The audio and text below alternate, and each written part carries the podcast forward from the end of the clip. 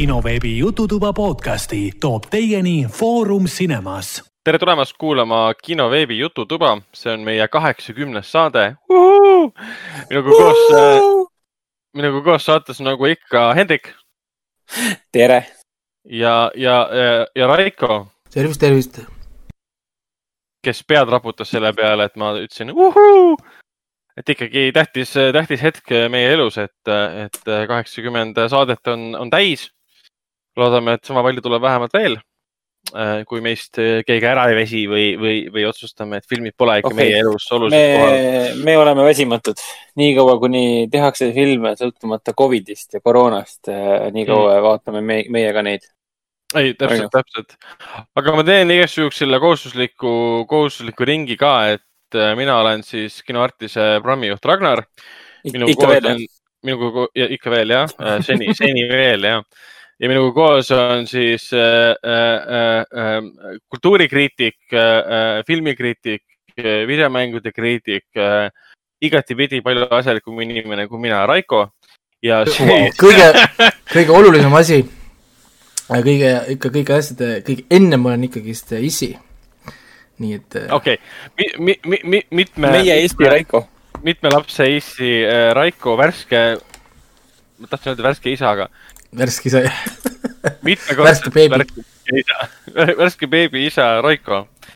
ja siis muidugi minu, minu lihane, lihane ähm, kellega me jagame isa, ema ja muidugi ka sünnipäeva. ja, ja nägu. jah, ja, ja kolmandal oktoobril on meil, äh, on meil siis sünnipäev, kus me saame siis koos saame kuuekümne aastaseks, et Hendrik on siis olnud, on, tähendab siiamaani ja võib-olla ka tulevikus, kes teab, siis Foorum Cinemas äh, programmi spetsialist. ikka veel? jah, ja, ja, ja saan ikka veel. et tundub, et ma need kolme, kolme, kolmekümnendate algus algab vähemalt vähemalt veel kinorindel nii, nii, nii, nii kuidas Covid äh, lubab. et sa ei pea seda, sa ei pea seda kommenteerima, me võime selle hiljem välja lõigata, aga kui ma ütlen, et äh, kui, kui pandeemia sind ei tapa, siis äh, äh ütleme oi, oi, oi. jah, üle lõikame välja, üle lõikame välja Lähme edasi, lähme edasi. Lähme edasi, lähme edasi. ärme, ärme peatu siin. Äh, aga enne kui edasi liigume, jah, aga enne kui edasi liigume, mainin ära, et siis äh, kinoveebi jututoa kõik saated on leitavad äh, Delfi taskus. SoundCloudis, Apple podcastis, Spotify's, Google podcastis ja enamustes teistes ähm, podcast'i rakendustes SoundCloudi võib meile ka siis äh, kirju jätta, praegu jätavad sinna SoundCloudi kommentaare ainult äh, bot'id, kes jagavad ühte ja sama paganama juttu seal. et kuule, võta minuga ühendust, ma jagan su track'i mingi kahele tuhandele inimesele bla,, blablabla, ma alati panen selle jama, kustutan sealt ära. aga miks ta temaga ühendust ei võta siis? sest need on bot'id, need pole päris inimesed ja, ja, ja, ja kirjutada saab meile siis, hetkel on see minu isiklik siis tavakonto rrnovad.gmail.com need andmed on olemas siis ka saate kirjelduses kõikides, kõikides podcast'i rakendustes. aga seekord me alustame saadet äh, natuke, natuke teistmoodi, sest äh, meil on, meil on fännikiri. Ei olnud see, see oli kriitika, see oli konkreetselt kriitika ja, ja kuri, kuri, kuri, kuri kiri kuri kiri. ta on osalt, osalt väga-väga positiivne kiri, osalt väga kuri Ragnar kiri. ise kirjutas peale kindlasti. aga kuna selle kirjutas Ragnar, siis saab selle üle, üle nalja teha, et mina selle kirja ise kirjutasin. Äh, selles kirjas on välja toodud, välja toodud üks, üks element, üks füüsiline objekt, äh, mille eest Raiko sai natukene nahutada. aga ma loen kirja autori äh, loale, loen ette ka. nii tšau. issand olen..., see on meie esimene fännikiri, sorry, ma vahele segasin, ma olen lihtsalt neerutatud. Okei okay,, ma alustan uuesti. nii, palun jätka. tšau, olen teie podcast'i püsikuulaja, aitüma selle, teile selle eest kuna kuulan podcast'e põhiliselt kõrvaklappidest, kui töötan mingite mürisevate tööriistadega, trimmerid, saed, muruniidukid, höövelpink ja nii edasi. sellega seoses, et läbi müra kõike kuulda, peab volüüm olema põhjas ja siit teile üks väike palve, ärge palun klõbistage müntidega. Teneti tutvustuse osa ajal mingi kuu aega tagasi, kui teil münt lauale kukkus, pidid mulle trummikirjad rebenema. aga muidu on äge. edu, Ragnar ja münti, mündiga vihjati muidugi Raikole, kes viimased, viimased saated on oma mündiga mänginud äh, otsesaates, või noh, saates siis ja see on päris mitu korda peale jäänud.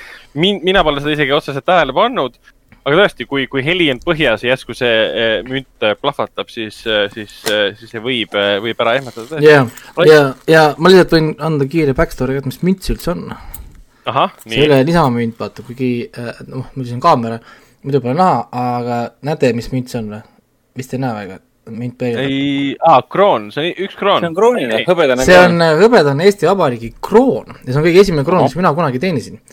aastal tuhat üheksasada üheksakümmend viis ossa pagan. jaa, see on mul. mis on ikka ajalooga. see on minu nii-öelda õnn, nagu õnnemünt ja kuna ma tegelesin palju mustkunstiga kunagi, siis ma harjutan näppude vahel või hoiatan, hoian näppe soojas mm -hmm. müntidega, mis äh, kahjuks vahetevahel kipub näppude vahelt ära kukkuma mm. otse siia mikrofoni kõrvale klaaslaua peale. oleme kuulnud, oleme kuulnud. siis äh, jah, ma nüüd panen selle nagu äh, ära. Õnneks ei ole mul see münt maha kukkunud, see suur, suur kolakas mis see, mis see on, mingi mõnus mingi, ma ei tea. mis see nüüd on? Äh, siin, siin taga on äh, mingid sõnad, kas ma ei tea, kas siit näete, siin, siin taga on mündi. Integrity goals, okei. jah, et see on üks münt, mis mulle anti selle eest, et ma töötasin kaheksakümmend tundi päevas äh,, nädalas, nädalas tähendab, äh, või siis seitsekümmend, seitsekümmend viis tundi nädalas. iga nädal siis nii edasi. ehk siis, ehk siis see annab tunnistust, et kui Raiko mängib saates mündiga, siis see ei ole mitte suvaline münt ega juhuslik münt, mis on lihtsalt näpu vahele sattunud, vaid sellel on mingi suurem tähendus, et mõnes mõttes, mõnes mõttes on see auväärne hetk äh, kuulda äh, äh, lasta oma trummikiledel katki minna Raiko eriti tähtsal mündil ah, see lihtsalt, see lihtsalt näitab, kui sentimentaalne ma olen, et lisaks mul on veel üks dollar, esimene dollar, mis ma kunagi, kunagi teenisin. samuti alles wow ilusti kokku pakitud rahakotis. nii et äh, jah, see on kõik äh, osa protsessist. aga ei, ma ja. nüüd, äh, ma ei, ma, ma, ma ei pannud münti ära, vaid ma panin siia pehme samet mati endale siia alla, nii et, et enam, siis... enam ei tohiks kuulda, nüüd kui ta kukub, peaks olema midagi niisugust mm. -hmm. nii et trummi, trummikiled jäävad terveks ma loodan ka, et Ragnar Nimekaim, kui sa, kui sa, kui sa järgmine kord kuulad saadet, siis ma loodan, et sinu kõrvakuulamine on taastunud ja, ja me enam ei tekita sulle äh, šokki. aga liigume edasi, liigume edasi filmide ja seriaalide juurde, mis me oleme siis kahe saate päeval vaadanud äh,. midagi on juhtunud, Raiko nimekirjas ei ole kolmkümmend erinevat animeed, stand-up'i äh, äh, live action seriaali ja, ja, ja midagi muud, vaid on üks seriaal. Kuigi me saame kõik aru, miks on Raikol võib-olla vähem, vähem, aga, aga Raiko, mis seriaali sa oled vaadanud? ma vaatasin ainult ühte asja ja, ja HBO-s siis äh, Tšernobõli uuesti mm. -hmm. et äh, noh, ennem äh, saadet rääkisin ka, et põhjus oli tegelikult väga nagu lihtne, et see, see neljas beebi, kui ma panen teda magama, siis see telekas, mis mul seal kohas on, kus ma temaga jalutan ümber ahju põhimõtteliselt, siis yeah. seal telekas ei ole Netflixi on ainult siis see Telia seal. Ja siis vahepeal istud siis maha, magab sul süles, aga sa väga liigutada ei saa, noh siis äh, lappad seda HBO Maxi, siis millegipärast jäi silm selle Tšernobõli peale uuesti seisma, mõtlesin, aga davai. Äh,, teeme uuesti siis ringi peale, viis episoodi ka tegelikult ainult ju. ja mul hea meel, et ma vaatasin seda uuesti, andis väga hea perspektiivi jälle, mida tähendab äh, kvaliteetne asi. Oo jaa, oo jaa, absoluutselt. ja muidugi noh, hea meeldetuletus ka, et, et kui oluline on ikkagist, et inimesed on kompetentsed, on ju, oma töö, töökohtades, mida noh, mis, olgem ausad, juhtub tegelikult harva, mitte nagu tihti. ja üldse nagu hästi, hästi kihvt asi, mida nagu vaadata, et minu äh, sünniaja äh, suur siis katastroof, mida siis minu vanemad kartsid nii-öelda minu sünnihetkel ja ja ma ei saagi kunagi, kunagi, kunagi teada, et kas, kas mina beebina või imikuna sain mingit radiatsiooni kuskilt või ei saanud, et eks kui ma kunagi hakkan mööda Eestit ringi lendama või siis autosid mõttejõul liigutama, siis eh, eks siis, eks siis on näha. noh, ütleme jah, okei okay,, ja selles mõttes küll, kuigi ma arvan, et selleks ajaks oleks sul juba, juba see võime avaldunud. Äh, või siis teatud vanuses lööb see võime välja alles aga, aga mm, Tšernobõli puhul küll, ma isegi vahepeal mõtlesin, et talle võiks tulla nagu teine hooaeg. Fukushima aga.... milles? ei, lihtsalt nagu Tšernobõlis saab veel tegelikult, saaks äh, lugusid äh, jutustada, et äh, sellest, kuidas see kilp sinna peale pandi ja kõik see. seda vist otseselt ju algupärases seriaalis ei näidatud, sellest räägiti küll selles lõpu viimastes lausetes, mis mustad kirjad olid ekraanil, panid selle ka kaane, kaane peale ja siis seda uuendati hiljem, nüüd alles hiljuti sai see viimane versioon sellest valmis. no sinna ehitati no. see uus mingi kuppel ümber või, mingi suur, suur betoon, betoonplii mingi kuppel või, või kuidas nad seda seal jah, kaitse nii-öelda, kuigi see eelmine oli nii umbes niimoodi, et see hakkas päris kiiresti ära lagunema mm.. aga Tšernobõli suhtes ikka ma tule, tahaksin meelde tuletada, et seriaali looja ja stsenarist on mees, kes on kirjutanud Scary Movie kolme, Scary Movie neli, Superhero Movie, Hangover ühe, Hangover kahe, Hangover kolme, The Huntsman, Winter's War ja siuksed filmid ja, ja asjad, mis ei ole nagu kõige, võib-olla ei saa kohe kvaliteetseks nimetada või siis pigem kvaliteetseks saab, aga need pole oluliselt, noh, väga dramaatilised ei ole. Need ei ole jah, nagu nii, ütleme võib-olla, no võib-olla kvaliteetne, no küll, aga mitte nagu võrreldav Tšernobõli kvaliteediga no täpselt ja see ongi see muutus tema karjääris oli päris, päris huvitav. ja mis uksed on Tšernobõl avanud Craig Mazanile või Mazinile, võib-olla hääldan valesti. ta kirjutab Borderlandsi filmi stsenaariumit jaa, see saab, see saab yeah. hu hu huvitav, huvitav olema. ja ta kirjutab The Last of Us'i pluss ta ju kirjutab, jah, täpselt. ja yeah. selle produtsent. ta nagu, mõlemad käed on korraga videomängude property tes ehk siis. nojah, aga Last of Us, Last of Us ja Tšernobõl on tegelikult mingil määral nii loogiline jätk. väga sarnasena teema ja, ja, ja, ja ta võiks isegi seda filmida samamoodi Leedus ju, nagu nad seda tegid ja väga hästi tegelikult no, saaks, saaks tehtud. ma loodan, et see Last of Us'i seriaal tema käe all tulebki äh, enam-vähem sihuke Tšernobõl-lik. Kuskil äh, palju. väga temaatiliselt väga hea. palju, paljuski saaks teha ju küll, paljuski on ka vanu neid äh, sõjaväe asju seal ja igasuguseid mingeid pankrännikuid ja, ja, ja värk, et äh, väga kihvt oleks mul siit. kusjuures jaa, ega nad ju võttesse pole ju läinud, et et kui Nolan leidis endale siin Linnahalli ja Laagna tee, siis äkki Masan leiab siin meil siis Paldiski ja ma ei tea, mida veel, kõik meie tunnelid kuskil siin laagris ja. no ikka on need Paldiski ja Ämari ja kuule, siin on terve väga niisuguseid vanu vene aja niisuguseid noh, mida saaks ja, väga ja lihtsalt Sirg, kon... Sirgala ja see, mis see Sirgala kõrvallinn oligi? Sirgala on ka, jah. Viivikonna või? Viivikonna ja Sirgala maha jäetud tööstuslinnad, noh. ja siin oleks, oleks, oleks võimalik konvertida nii palju asju nagu äh, noh, niisuguseks väga kihvtiks äh, ma ei tea, postapokalüptiliseks mingisuguseks maastikuks ja, ja noh, tegelikult Last of Us ju leiab ka aset suht sarnases kliimas kui meie, nad ei ole kuskil Floridas või või, või Miami's, nad on ikka nagu Kesk-Ameerikas, kus on puud ja kõik on sama, mis siin, et mm nii et. nojah, suure, suure, suur, suurlinna keskelinna. aga, aga, aga, aga Tšernobõlist, noh, nii palju võiks rääkida, et ma ei rääkinud ju, ma siis polnud üldse podcast'is, kui see esimest korda vist jooksis ju. Äh, ei olnud küll jah, ei olnud jah. ja, ja, ja mulle, noh, noh, mulle meeldib muidugi, ma ei, ma ei, ma ei oska öelda, kas mulle meeldib. mulle meeldib, kui kvaliteetne see on ja mulle meeldib seda vaadata, kui kaasakiskuv ta on, aga lihtsalt ta on, veitsa hirmus on vaadata seda ikkagist. et kui lähedal olid on, ikka, ikka on. erinevad äh, katastroofid ja, ja õnneks ma räägin, noh, mulle ikkagist meeldis noh, nagu see, et et Nõukogude Liit ikka lõ-, andis sinna põhimõtteliselt lõputult ressurssi mm., et ikkagi see asi nagu ähm, nii-öelda nagu kontrolli alla saada, et ei, ei hakatud, ei hakatud seal kohast noh, nagu umbes, et aa, me ikka ei anna sulle nii palju inimesi või me ikkagist nagu noh, nii palju ei tee. Või noh, nagu said olukorra, olukorra tõsidusest aru et need, nad ei hakanud nagu jah, sealt ja nende jaoks oli olulisem seda peeta maailma eest võimalikult kiiresti seda nagu kinni katta, et säiliks see nii-öelda see Nõukogude Liidu siis niisugune imago.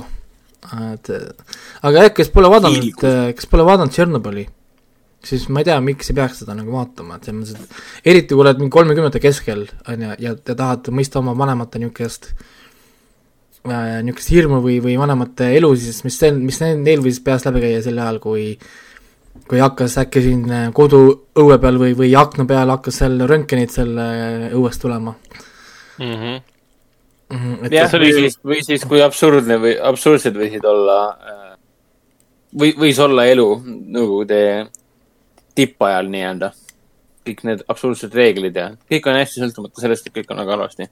muidugi seriaal ise on hästi, mitte liiga palju, aga kohati nagu üle dramatiseeritud selle koha pealt. aga, aga see ongi asi, mida sa niikuinii pead tegema, kui sa teed seda nagu seriaali formaadis, et sa pead mingid elemendid väga kiiresti selgeks tegema, et sul ongi üks mees Nõukogude Liidu masinavärgi vastu, kes suutis kõigile selgeks teha, kui ohtlik see on et äh, päriselus see tõenäoliselt toimus hoopis teistmoodi, hoopis vähem dramaatilisemalt. seal aga... Äh, lõpus oli toodud ka välja tegelikult, et äh, noh, nad tegid sajast inimesest kaks karakterit ju. täpselt, jah. Et tegelikult oli see, ju, oli, oli sada erinevat teadlast ja erinevat inimest, kes tegelikult tegid, nemad lõid nendest kahest nii-öelda nagu noh, nagu kokku tähendab kaks mm. inimest, kellest üks oli see peategelane ja teine oli siis see naine, kes tegelikult ju ka, noh, tal polnud olemaski seda naist tegelikult. jah, noh, mees, meeskarakter oli olemas, aga ikka, noh, nagu sa ütlesid, et need kõik osapooled, kes selle kaasa aitasid, olid sinna kokku sulandatud nii-öelda. Et ähm, ja ma ise olen ka kaalunud Tšernobõlit uuesti vaadata, et see on kuidagi koguneda ennast võib-olla, sest ta on kohati nii nagu sa ütlesid, ta on õudne, ta on hirmus. eriti ta, need episoodid. ta on raske vaadata selles mõttes. et, et kui sa nagu tead ette ka, vaata, needsamad tuletõrjujad lähevad sinna ja võtab seda grafiidikivi kätte mm.. et noh, siis ta suudab nagu selle, selle teadmise, selle lihtsalt kivi muuta sinu jaoks hästi ohtlikuks ja rõvedaks ja saad aru, mis see tähendab tegelikult. Et, et noh, üks, üks, üks jäi nagu kivi ja, ja, ja, ja mul tuli üks enda lugu nagu meelde. Meie lapsepõlvest oli ka Palli, Paldiski lähedal, Paldiskis on ka ju vana ju see maanteed, tuumaheetmed ja mis siin kõik on siin. Mm.. ja, ja tuli üks lugu meelde siis poisist, kes seal ka leidis kivi, pani taskusse endale selle kivi. Ja, ja hiljem siis kõik siin Kubemäe piirkonnas läks kõik kasvama ja mingi äh, suured tõhed ja vere, verevalumid ja asjad, selgus, et see kivi oli mingi radioaktiivne äh, kivi. No,. Tavaline kivi võttis nagu maast lihtsalt tavalise kivi. et kunagi oli siis kellelgi jäänud koristamata või kuskil kahe silma vahele ja siis äh, laps leidis selle mm nojah, ja kujuta ette, kui kõik sinu linnas on selline nagu Pripeti linnas põhimõtteliselt juhtus. nojah, sellepärast et pididki, pididki kogu, kogu selle raadiuse seal pinnase ümber keerama ja metsad maha võtma ja ära põletama ja, ja, ja, ja kõik asjad, et. jah, jah, no nüüd sa, seal olid ju jälle need äh, tulekahjud põhimõtteliselt, et see Pripjati ümberkaudne mets ju põles. et muidu poleks hullu, aga kõik need osakesed ju lähevad tänu põlemisele atmosfääri, see hakkas levima. Yeah.. ja näiteks sama, vaata lõpus nad näitasid ju vaata reaalseid dokumentaalseid kaadreid, vaata nendest tuletõrjujate riietest, mis on ikka veel samas äh, haigla yeah. keldris yeah.. Äh, mis, mis annavad endiselt välja viiskümmend röntgenit mm. -hmm siiamaani. jah, radiatsiooni, viiskümmend röntgenit, mis, kui inimesel on ohtlik, ma ei tea, juba üle, üle ühe röntgeni või, või palju see oli, siis need riided annavad välja viiskümmend.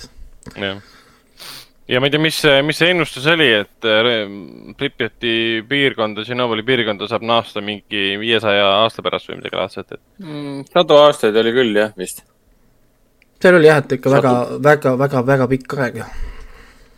Jaa, aga ei, see on aga, õudne, õudne seriaal tõesti. aga siiamaani ju inimesed elavad selles piirkonnas. kõik no. need äh, vanad inimesed, kes pole kunagi lahkunudki. no nende loogika oligi see, et aga, aga miks ma peaks ära minema noh, ma, et umbes ma saan vähim olen üheksakümmend, mis siis on, ma saan üheksakümne viie aastaselt, mitte üheksakümne seitsme aastaselt umbes. noh, big, big deal, noh, nagu et. paljukesed evakueeriti, läksid tagasi sinna elama, et nad, nad ei ela muidugi Pripjati linnas ega Tšernobõli linnas tegelikult äh, mitte otseselt ei elata, aga vist vahetustega valvurid elavad seal. seal, seal on, seal on jah, kui sa seal nüüd Tšernobõli linnas saab ju turistina ka käia ju, aga seal on see mingi kaks tundi no, või kaua, kaua, kaua sul see ajaline limiit vist on seal või, ühesõnaga ma ei tea, mis ajaline limiit on, guugeldage see välja, aga noh, need, see ajaline limiit tuli sealt välja, kui nad tegid seda, ma vaatasin seda ühte, seda VR-i ühte õudusmängu oli see Tšernobõlis. Ja siis neil oli mängu lõpus, kui sa tegid mängu läbi, siis oli see behind the scenes, intervjuudes nad rääkisid, et nad käisid seal reaalselt noh, seda päris seda Tšernobõli linna filmimas ja skännimas nii-öelda seda virtuaalreaalsuse jaoks, siis nad ütlesid, et nad said kaks tundi vist ööpäevas või midagi äh, mm -hmm. maksimaalselt seal korraga veeta, siis nad pidid, pidid ka neid tab-, tablette sööma ja neil korraga, korraga lubati vist kaheksa või seitse päeva kuus ja niimoodi neil läks mingi peaaegu aasta aega, et kogu seda materjali siis äh, mm. kätte saada. No mis siis yeah. oli nagu vaja. Nii et põhimõtteliselt äh, peaks olema võimalik külastada seda küll, iseenesest huvitav oleks minna, aga muidugi noh, kahe tunniga seal ringi joosta, ma ei tea, kas ma enam äh, tahaksin, muidugi siin sõber tegi nalja, et äh, tegi väga, väga niisuguse õe, õe, õele nalja, et äkki mul ei teeks isegi teene, et kui ma enam näiteks kiirguse tõttu lapsi saaks. Mm.. ahah. Tegi, tegi, tegi, tegi niisuguse, niisuguse kurja, kurja, kurja nalja mulle siin ei noh, see on, noh, kõik on võimalik, aga mul on ka paar sõpra-tuttavad seal käinud ja väga kiitnud, et väga võimas kogemus on olnud ja ma ise ka mõelnud selle peale, et võiks, vahepeal siin oli äh, pakkumised ka, et Tallinnast sõidab buss sinna ja äh, ööbid seal kuskil lähedal ja siis. ja see oli väga popp värk, see oli mingi urban exploration, mis iganes korraldas seda. ja bussid olid välja müüdud, kõik inimesed läksid nojah, et oleks huvitav, aga samas nagu ma ei tea, kas ma nagu tahaksin võib-olla natuke liiga depressiivne, sama, sama, miks mulle ei meeldi näiteks see Paldiskis on see, üks see hol-, holokausti laager siin mm. -hmm. ma oli, lapsena käisin seal, nüüd pole uuesti nagu üle ei taha väga minna enam. no et no, et nagu milleks? et miks, miks sa vaatad jah mis sa mõtled seda inimeste valu? mis, missugust sa mõtled? see, mis Kloogal on või? no ta on siin, ta on Klooga ja Paldiski vahel või mis ta on siin täpselt, ma ei tea, mis ta, kuhu ta, kuhu ta täpselt jääb, see on see, millise omavalitsuse piirile ta nüüd täpselt jääb, seda ma ei teagi. Aga siin on ka jah, meil siin need eh, huvitavaid kohti, et. seoses mm, Tšernobõliga ma niisugust mainiks ära, et ma kunagi ammu vaatasin äh, Pripeti nimelist dokumentaalfilmi, mille lavastas Nikolaus Keirhalter mustvalge üheksakümne üheksandast aastast, see oli mingil hetkel Youtube'is äh, täitsa üleval mm. -hmm. ma praegu nagu kiire lohaka ja kiire guugeldamisega enam seda Youtube'ist ei leidnud, aga treiler on täitsa saadaval. see dokumentaal mulle küll väga meeldis, eriti just see, et ta oli üheksakümne üheksandast aastast pärit äh,. äh sest ta on umbes, ta on intervjuu formaadis tehtud, ta on lihtsalt äh, kaameraga kohale läinud ja väga staatilisel viisil lasknud siis inimestel rääkida ja see räägib nii sellest äh, piiratud tsooni valvuritest kui ka, ka kõikidest neist inimestest, kes selles piirkonnas, selles suures, suures tsoonis siiamaani elavad. Hästi vinge oli näha neid kõiki neid mahajäetud äh, tehnikat, mis on peaaegu et täiesti luukereks kistud, sest ju meeletu, meeletu metallivargus hakkas peale kuidas seda radioaktiivset metalli pärast äh, evakuatsiooni ja pärast kõike seda kõik maha jäeti, meeletu hulga, meeletus koguses ju välku tsoonist välja veeti. kui haige see võis olla, kuidas see radioaktiivne metall võis ju hiljem noh, leidis oma tee nii-öelda välja, väljapoole. no ikka, ikka on sealt muidugi tassiti seal metallivargad on, on palju teinud tööd, nad isegi tassisid mm -hmm. sealt ära, kuskil kuskilt ma olen ka näinud mingi dokumentaalfilmi nendest varastatud metallidest ja auto, autojuppidest ja autodest ja ja, ja seal on isegi terved autosid ära viidud, taastatud umbes ja müüdud äh, nagu autodena mm -hmm. nagu maha ja siis keegi ostab ilma teadmata, et sõidab tegelikult mingi autos, mis annab mingi röntgen välja, et mm. -hmm. ja siis tuli mul meelde mul mingi see Olga Kurilenko film äh, ah. Land of Oblivion see Prantsuse-Ukraina film, mille peaosas oli Olga Kurilenko, seda näidati kunagi ammu PÖFFil ka. jah, see oli väga hea film. ja see on üks Olga Kurilenko äh, parim, parimaid filme, see, kus ta, muidu ta mängib hea näitleja, aga ta Hollywoodis muud ei tee, ei teinud oma Hollywoodi algusaastatel, kui ta mängis vene litsi või Ukraina litsi. Olgu see siis äh, Max Payne'is või Hitmanis Timothy Olyphantiga. oota, nüüd on, teil on kohe kiire küsimus, et kumb on poliitkorrektsem, kas hoor või litse? poliitkorrektsem. poliitkorrektsem on vist hoor äkki või? või on üldse prostituut või? eskortteenuse, eskortteenuse pakkuja. no prostituut on vist kõige tähtsam. ei, praegu vist on poliitkorrektne on, äh, mis see on see, see, seksitöötajad või mis need on? Sex worker. Worker, jah tegelikult kõige viisakam ja ilusam on öelda. Influencer Influencer. Aa, noh, selles mõttes. tema ka ju mõjutab tegelikult, kui ma mõtlen siis poole. Eh, aga vist kõige viisakam ja ilusam on öelda äh, taolise ametikandja kohta ju äh, kaaslane ehk siis companion kui meenutada Firefly'st pärit termineid. sa vaatasid ka seda Anna Steylerit Firefly'le või? ei, oleks pidanud või? jah.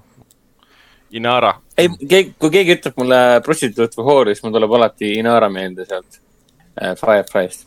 ja kuidas Malcolm, Malcolm Reynolds armastas teda ja nimetas äh, Inara karakterit kogu aeg hooraks. no muidu kusjuures, äh, kui ma vaatasin nüüd seda äh, Tšernobõli nagu uuesti, siis oli selline asi, mul tuli äh, silma, vaata see näitleja, kes mängis Tuletõrje naist, see Jesse Buckley on seesama, kes mängis selles ja. Netflixi yeah, yeah. oma seda yeah. I m thinking of ending, ending things, me enne, me enne, enne me ei pannud seda kokku, sest kui ma vaatasin nüüd Tšernobõli, siis ma tundsin ära, sest kui ma vaatasin mm -hmm. Netflixis seda filmi, siis ma küll ei tundnud ära, kes see naine on. ta on suht äratundmatu seal äh, Tšernobõlis, jah. et siis nüüd, kui ma vaatasin, siis ma nagu, aa, okei okay,, see on ju Netflixi ju see tüdruk, kes mängis see, see Jesse Buckley, et ta mängis seal I m thinking of ending things mis oli ta nagu vaikselt äh,, vaikselt karjääriredelil äh, tõuseb, et ta oli selles äh, Judy Gallandi äh, filmis ähm, äh, Judy, tähendab, mängis ka tegelikult ja, ja ma ei tea, mis ta siin viimasel ajal veel teinud on. aga fantastiline loll äh,, roll äh, selle, selle Ignatenko, Vassili Ignatenko abi, abikaasana. muidugi jah, ta, ta, ta oleks tahtnud sellele naisele vastu pead anda küll vahepeal jah, eks see, no aga vaata jällegi siin, siin jällegi panustati väga palju sellele, et see oli nähtamatu, nähtamatu tapja, see radioaktiivsus, keegi, keegi ei võtnud seda tõsiselt. võeti tõsiselt, aga keegi ei teadnud, kuidas see töötab, mida sa ei näe, sa ei oska otseselt nagu karta. nojah, et mingi väidetavalt mingi asi kuskil on, mis teeb sulle liiga. jah, et sulle öeldakse, et sa ei tohi oma abikaasat vaadata ja tema läks ikka vaatama. ja, ja nii see mõjus talle väga-väga halvasti muidugi ja, ja, jah noh, beebi kaitsestada, nii, nii-öelda. et ja, aga, aga jah, kõikidel HBO tellijatel, kellel on olemas see HBO, on ju, ja mõtlevad, et mida vaadata kodus näiteks õhtuti või, või lihtsalt, et kui tunnevad, et on võib-olla tuju liiga hea, tahaks seda natuke alla, alla, alla, alla tõmmata, siis ähm, jah, kui, kui pandeemia ajal on, kui pandeemia ajal on tuju liiga hea, siis tasub Tšernobõlit vaadata. Tšernobõl siis äh, aitab välja. jah et, äh, et juba esimese episoodi esimesed kümme minutit on väga positiivse noodiga. ja, ja muidugi see Tjatlov ka, vaata, see näitleja tegi minu arust nii hästi seda Tjatlovit, et ilgelt ajab närvi see vend. Kohe loodi nagu, internet oli meeme kohe täis, et no mis see põhiasi oli, mis not bad, uh, oli... not bad, not uh,, not great. Jaa, täpselt, et mingi, aa, mingi kakskümmend viis tuhat röntgenit, not bad, not great, et lähme edasi. ja see oli see kolm koma kolm koma kuus röntgenit, aga masin ei andnud rohkem välja, vaata siis ja, äh, et see on kõige geniaalsem asi nagu, et meil ei ole üldse kõrge, mis asja, kolm koma kuus on mingi, ja siis mingi, ah, masin ei võta rohkem. aa, okei okay,, äkki võib-olla tõesti on rohkem, siis no, mingi, ja siin on kaks tuhat, oih. ja, ja, ja mulle muidugi meeldib ka see, et neile tundub veider see, et nad, oh, me läksime selle kõrgema mõ-, mõ-, mõõdikuga ja see sulas kohe ära. okei okay, et, et siis on halb tehnika lihtsalt, et ma arvan, see ei tähenda, et seal on palju seda et et sulas kohe ära ja siis, kui nad selle sakslaste käest said selle kuukulguri, vaata, mis pidi aitama selle viimase katusega mm, -hmm.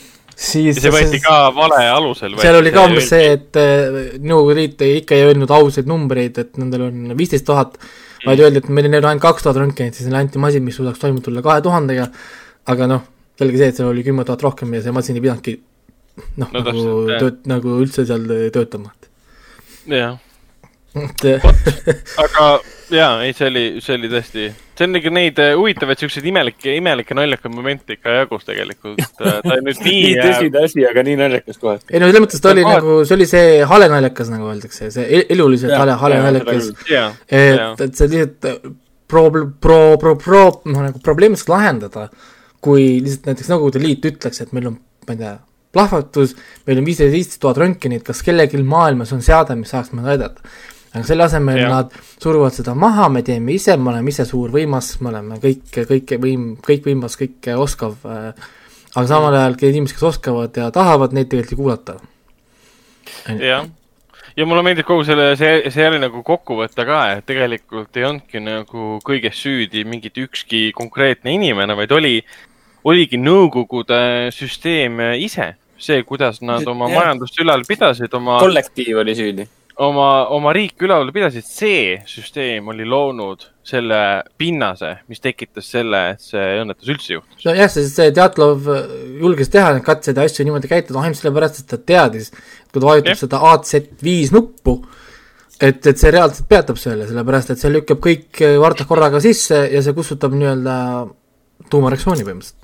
no täpselt, aga, aga mida ta ei teadnud, on see, et süsteem otsustas, et äh, hoiame raha kokku ja, ja tooda, toodame ise, et meie, meie, meie toodang on ju ülimalt kvaliteetne no,. To, to, toodame ise, ise grafiitotsaga pulgad ja, ja korraga kakssada grafiitpulka sisse juba niigi ebastabiilsele äh, reaktsioonile. ja, ja tulemus ongi siis äh, terve see siis see, see seriaal mm.. et muidugi teine osa, kusjuures Fukushima omast oleks huvitav tegelikult, et äh, jah no eks neid, eks neid juhtumeid, ma ei tea, kui palju siin üldse neid tuumakatastroofe olnud on sellisel, nii võimsad peale Fukushima ja Polegi olnud vist, need kaks, need kaks ongi ju, vähemalt millest maailm on kuulnud. jah aga no isegi Tšernobõlis tegelikult endast saaks ka, ma hea meelega vaataks, aga noh, tegelikult ta peaks olema piisavalt dramaatiline, kui, kui huvitava dramaatilise loo sa ikka saad teha sellest, et me ehitasime kaane peale sinna, et noh. Ei no, ei, praegu on väga hea, minu arust seda ei peaks väga käppima, pole mingit järge vaja, mitte, mitte midagi, aga sa võid võtta lihtsalt samase stiili ja võtta mingi muu katastroof. Mm., näiteks ma ei tea, mis on olnud siin mingi suur katastroof, võta Estonia hukk näiteks. Oh,, palun väga, tee meile Estonia hukust HBO viieosaline mini mini, mini, miniseriaal. aga meil oli ju Estonia hukus, see Balti torm. see oli jube, see oli halb film. täiesti jabur film, ma ei tea, see oli mingi Saksamaa ja mingi Taani toodang või mis ta, Saksamaa UK või toodang. Donald Sutherland oli vist seal korraks oli staar seal. ja, ja see, see Till Schweiger vist oli ka seal, ei, Jürgen, see teine, see teine, mitte Till Schweiger, aga see Jürgen. see oli selle Saksa äh, kirjaniku Juta Raabe romaani põhjal tehtud Estonia katastroofist oli ta kirjutanud siis mingi seik-. see oli päris halb, see oli päris halb film oli see, see oli. ta oli solvav lausa, ma mäletan, isegi väiksena, kui ma seda filmi vaatasin, mul oli see, et nagu kõik, mis seal toimus, oli vale juba, juba isegi praeguste uudiste valguses oli vale. seal muudeti Rein, oota Rein Oja mängis seal seda kaptenit.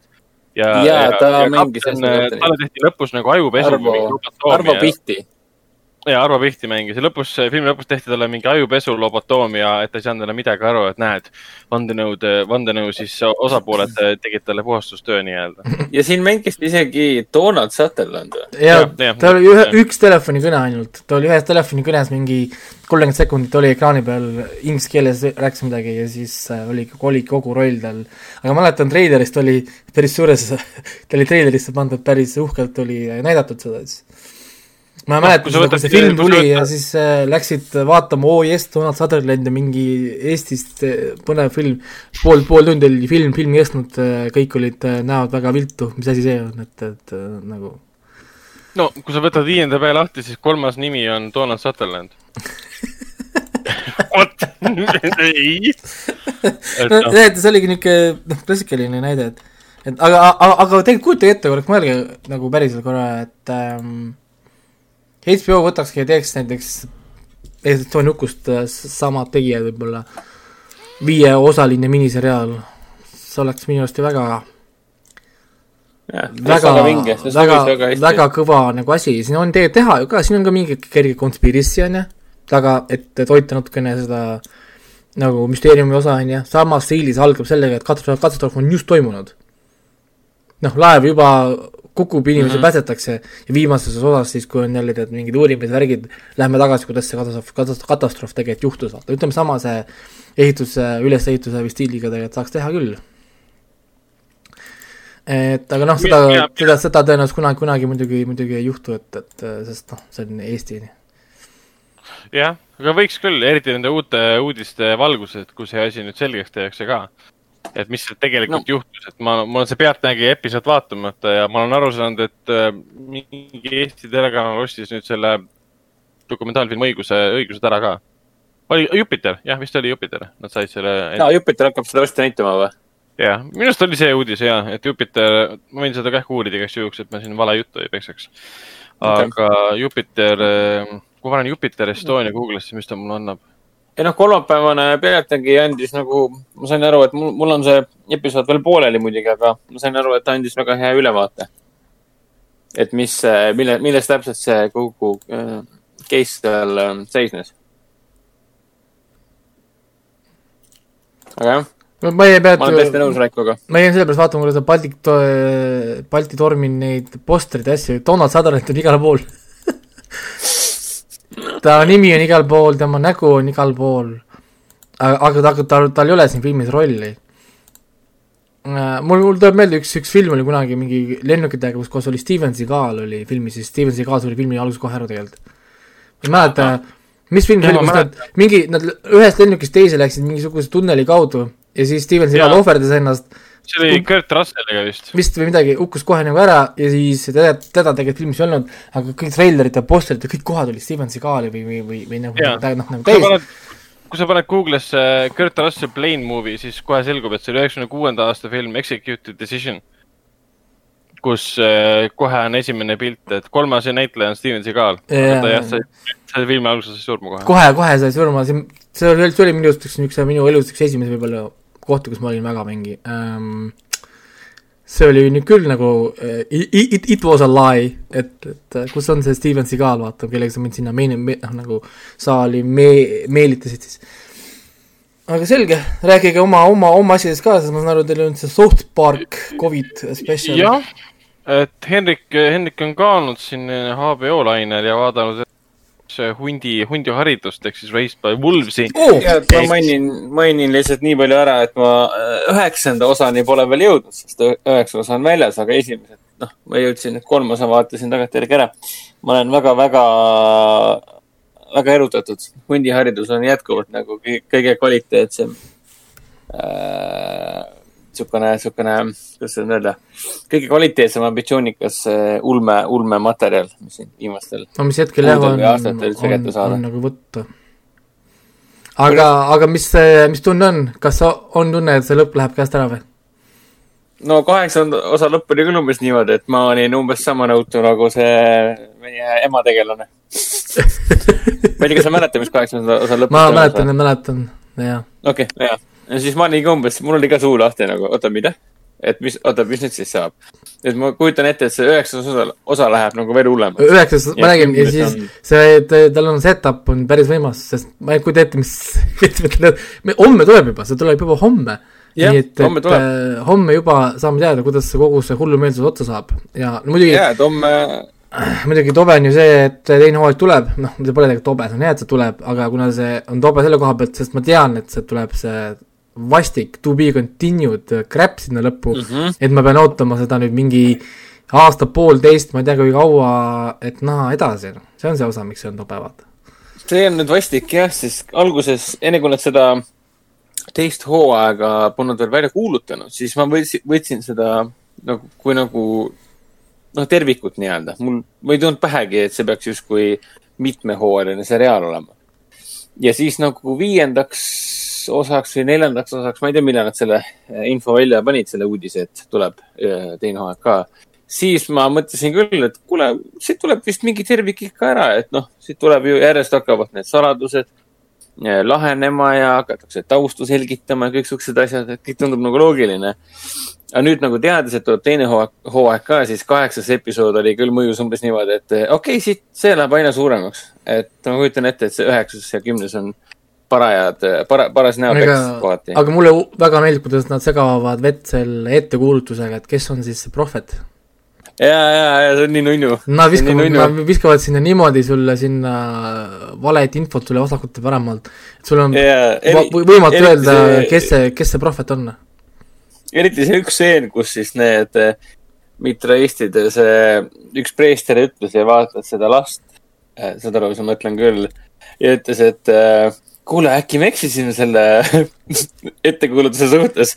Ja samal ajal siis Travis Fimmeri tegelane mingi vaatas oma naise poole. Ma mingi täiega irvitasin selle peale, mingi türa. Jah, aga, aga, aga siin on ju seesama oluline asi on selle noh, ma ei tea, ei saa öelda sulle ka, no vaata veel üks, üks osa ära. ja, ja, et ma homme pärast tööd vaatan mõlemad kohe et, et nad segavad seda vett päris korralikult, et, et sul pole enam mitte üks-kaks kandidaati Prohvetile, vaid nüüd on juba sul mingi neli kandidaati vist juba või, või, isegi viis juba või. nii et, et nad ikka lükkavad sulle sinna tohutult äh, variante. kes on Aga siis see müstiline suur uus juht, kes nii-öelda viib siis inimkonna uuele teekonnale? nojah, ja siis, kui, mis puudutab ema ja mis puudutab seda Mm, mitraiste ja siis muidugi nende enda pühakirja. et selle kandi pealt ju kaheksandas osas oli ka mingisuguseid huvitavaid uusi äh, nüansse tuli välja. et mind täitsa nüüd äh, paelub see, et äh,, et nad väidavad küll, et noh, Sol on jumal ja jumal on Sol. Need mitraistid siis ehk siis päike, aga mind täitsa huvitab, et kust nad oma pühakirja nüüd saanud tegelikult. ja ei, vot, vot mul ongi see, millest me eelmine kord rääkisime, mul on. puudutab neid nekromancereid. mul on see oma, see fännteooria, kes see Sol on? aa, okei okay., igatahes järgmine, järgmine, järgmine nädala episood meil podcast'is, siis on meil ju hooaeg läbi. ja, ja Ragnar peab kõik episoodid ära vaatama. tal on veel viis vaadata siis nii-öelda. aga, kusjuures kõige huvitavam on see, vaata, et äh, homme, nagu noh, kui siis selle asjad tulevad, siis kõige esimesena vaatan mina ära Ted Lasso. Ah.. sest, sest see on tegelikult ah,, ma ootan isegi, ootan isegi võib-olla veel rohkem, mis on nii veider asi alati, kuidas sa saad iseennast kontrollida, mis sulle kõige rohkem meeldib, on see, kui sul, sul on kõik asjad nagu korraga ees siis mida sa esimesena tegelikult tahad vaadata, ongi see, mida sa tõenäoliselt kõige rohkem äh, nagu ise siis võib-olla fännad. Nii et jah äh,, Ted Lassos on ka siis suur finaal äh,, kes on vaadanud, siis see siis teab, et lõpuks siis see Ted Lasso kohtub siis Manchester City vastu, kes, kus siis nende enda mängija siis Jamie läks nüüd mängima. ehk siis mm -hmm. äh, suur hooaja finaal, teil ei ütle võib-olla hetkel midagi, aga kui vaatate, siis, siis saate aru, et miks see nii oluline on ma kindlasti proovin selle ette võtta. Aga ma ei tea, proovime järgmine nädal siis podcast'is teha Reispade Pulsi spetsial episoodi ja Ta... rääkida spoileritest. seda ma vaatasin edasi seda Tehrani tegelikult ka, ma unustasin selle üldse panna kirja. aa, issand. ma vaatasin ühe, ühe, ühe osa vaatasin veel Tehrani tegelikult eh, juurde ja kusjuures eh, minu arust teine osa tegi natuke palju halvemaks, sellepärast esimene osa oli väga nagu põnev, siis teine osa ajas mind ainult segadusse praegu oli selline tunne, et, et ähm, ah, nagu, et mis siin nüüd nagu toimub mm. -hmm. et ma nüüd ei teagi, kas ma peaks edasi vaatama, et nad hakkaks mulle selgitama, vaata, või noh, nagu või siis ma nüüd tahaks juba loobuda, et ma enam ei, enam ei viitsi, sest ma ei saa aru või noh, nagu tundub natukene ma, mul, mul tekkis niisugune tunne, vaata, et nad nagu prooviks kopeerida võib-olla natuke liiga palju neid äh, Jason Bourne ja niisuguseid äh, spiooni, spioonikaid ja lihtsalt teha siis nagu teemaks siis mitte nagu klassikaline Ameerika, vaid oleme nii-öelda siis nagu Mossadi ja, ja seal siis Kesk-Aasia kandis oleme siis. lihtsalt mm -hmm. see on, mhm. see on nagu vahe. ja muidugi noh, naine on ka muidugi tegelane ja see on, annab tegelikult väga olu-, olulist nüanssi siia. esimeses osas tundus, et nad lähevad ka seda teed, et noh, nagu see naise valik, vaata peategelaseks on nagu see, et kuidas naisi koheldakse ka vaata seal kandis yeah.. noh, selles maailmajaos ja kui ta on nagu agent tegelikult, ta pole niisama naine, vaid ta on oskustega naine, erinevate oskustega naine. Yeah.. siis, siis kuidas tema proovib nagu toime tulla, see, see oli huvitav nüanss, teises osas kuidagi oli nagu äh, noh, ühesõnaga, ma ei oska öelda ega öeldagi, mida nad selle teise osaga tegelikult teha nagu tahtsid. nüüd ma olen kahe vahel, kas ma peaks minema edasi, on ju, vaatame edasi, et äkki nad juba koha, ühesõnaga seal on mingi point kogu sellel segadusel seal või, või siis kuidagi see lähebki nii, ma nüüd ei tea, see on nagu nii, alati nii raske otsus vaata, sest aega on vähe, vaadata on hästi palju, on ju, kas ma nüüd on. võtan Nii. selle ajalise investeeringu, mida ma kunagi tagasi ei saa, on ju, selle aega, kas ma vaatan seda veel? Või ma lihtsalt loobun, ühesõnaga, et, et leian, et see ei olnud minu jaoks ja ei vaata, vot. see on alati minu arust nagu see ah, vastik moment, noh nagu et, et palju, mulle meeldiks palju lihtsamini, kui oleks asi nii halb, et ma ei taha seda vaadata, on ju, ma panen nagu, jätan pooleli, kui asi on nii hea, et ma vaatan kohe ära. mulle ei meeldi, kui nagu mingi asi jätab mind niimoodi mingi kõikuma sinna kuskile mingisugusesse limbosse. ja siis mina pean ise tegema otsuseid sihuke raske elu. et, et see on see kõige hullem asi, vaata, sest, sest noh, ma olen varem teinud valesti otsuseid, vaata, ma kunagi rääkisin, et see Steins Gate on ju, mis on minu täna õige lemmikum anime. kui mitu korda ma loobusin sellepärast, et see algas, oli halb. tundus mulle halb, see tundus mulle igav, see tundus mulle niru, täna on minu lemmik anime, on ju. noh, nagu, see oli ainult üks nagu noh, näide, kuidas on olnud ja siis see nüüd piinab mind, see, et noh, nagu see näide et, et äkki ma teen siin, siin sama asja, vaata, kui ma ei vaata, pärast selgub, et see Tehran on Apple TV kõige parem asi, on ju, ja mina lihtsalt loobusin, vaata.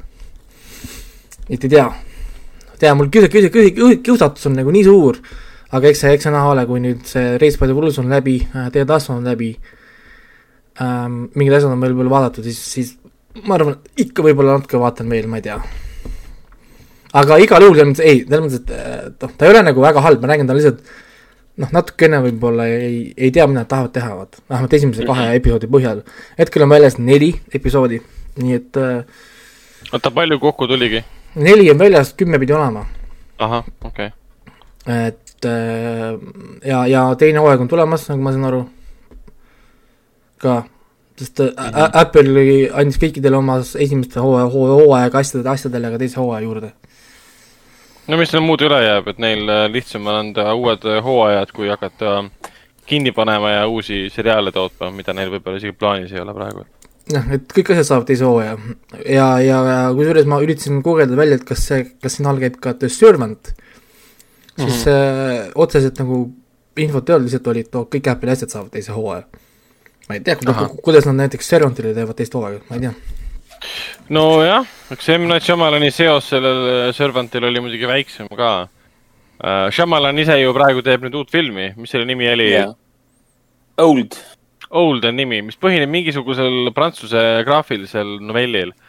räägib, äh, mingi sünopsis oli umbes niimoodi, et äh, sul on mereäärne koht, sealt leitakse laip mingi seltskonna poolt ja siis asjad lähevad metsa, et midagi taolist hmm.. et äh, päris. ja seal peaks olema mingi ajateema on seal sees, mul, kusjuures mul tuli lõpuks meelde, et kunagi räägiti ju sellest, et stuudio pani kaks Shyamalani filmi arendusse, andis meile ainult kuupäevad mm. -hmm. see oli siis kohe pärast Classi, ma ei tea, väljatulekut või vahetult.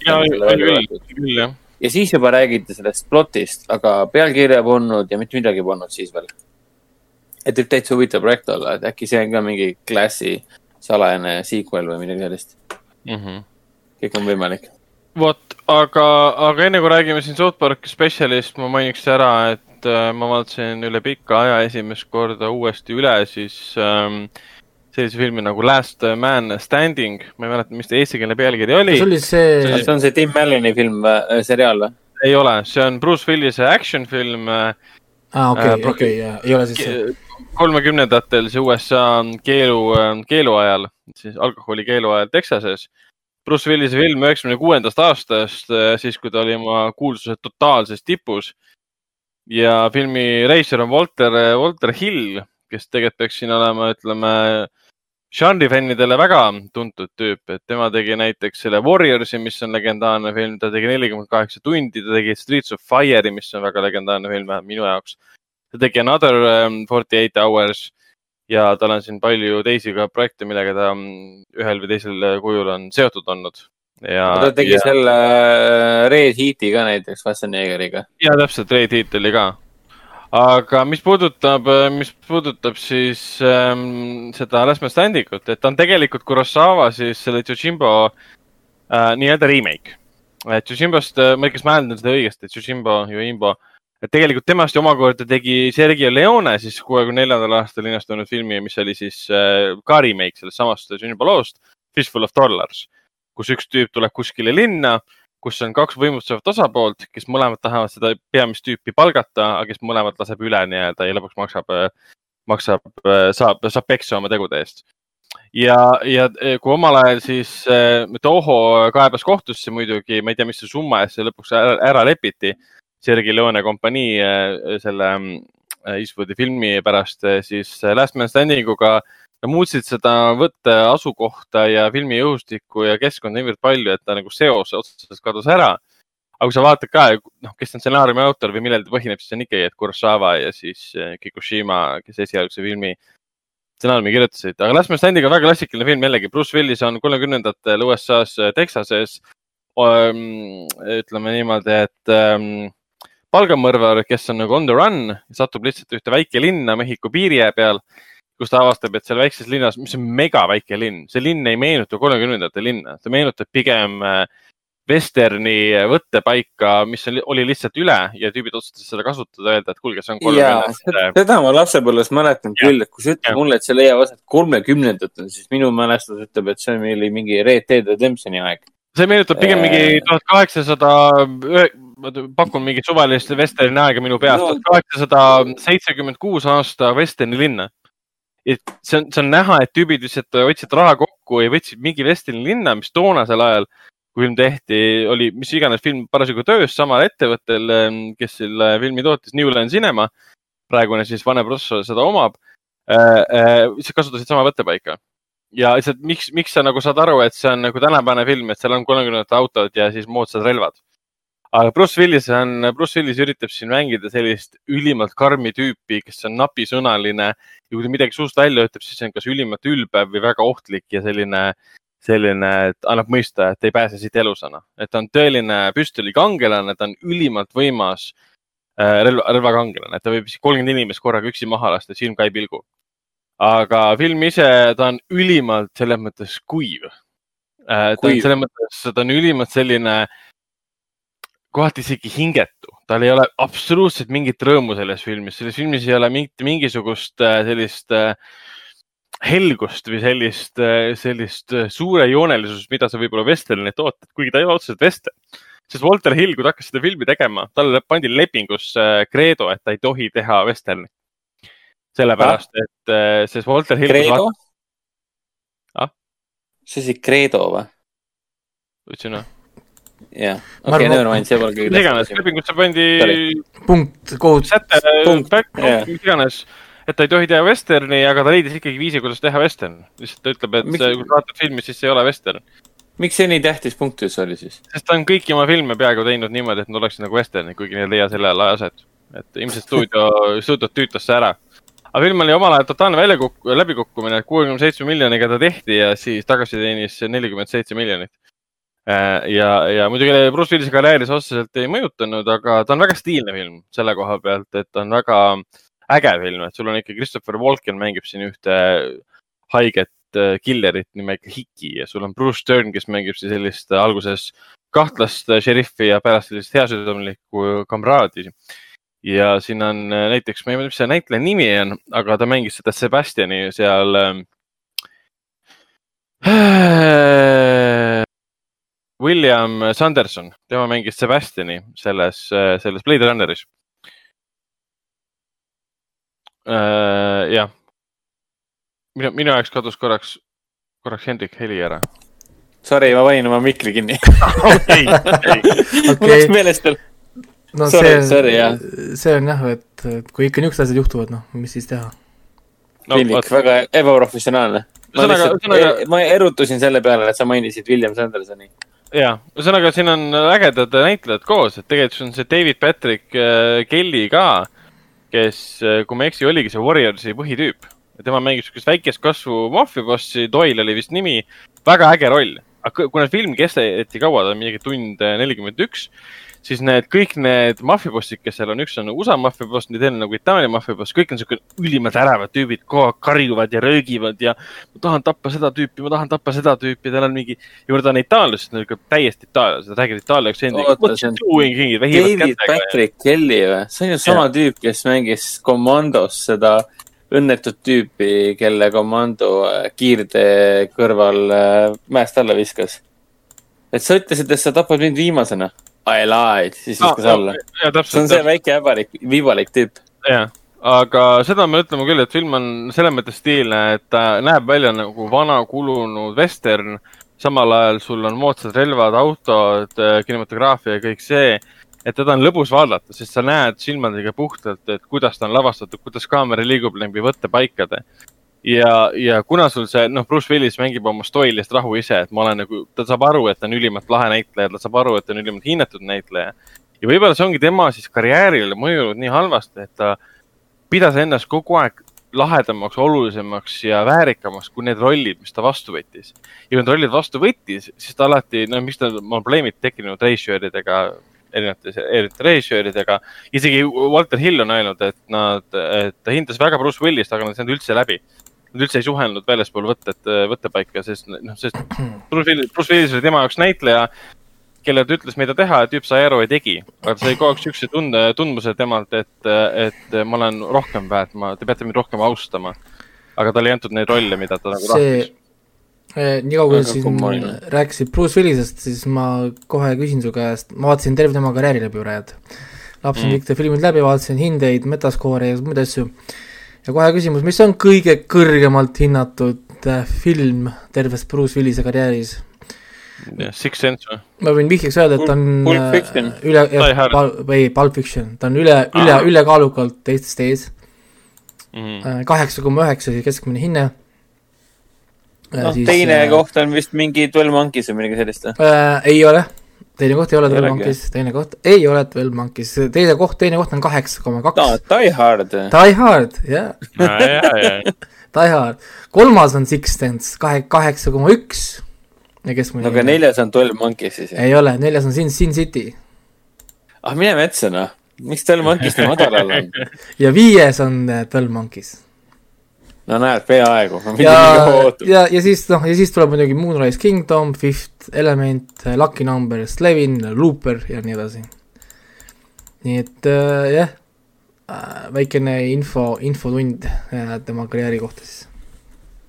aga mis tal kõige madalamad hinnatud on? oi jumal, seal oli ühe, ühe ja kahepunktilise mingisuguseid väga random, random filme ja kusjuures enamus nendest tulid siin kaks tuhat seitseteist ja peale ja ta on ju, ta on ju põhimõtteliselt sama palju random filme teinud kui, kui ma ei tea, Nicolas Cage jah. tal vahepeal oli iga, iga aasta üks ja sama film, kus ta läheb, on mingi ment, läheb kuskile või ta on mingi paha, kes teeb midagi ja kõik on ühesugused. see kõige äh,, kõige madalam oli, mingi, ta oli mingi laevakapten vist oli, ma natuke jõudsin sinna taustalt silmaga lugeda neid sünopsiseid, kaks koma neli punkti oli vist keskmine hinne.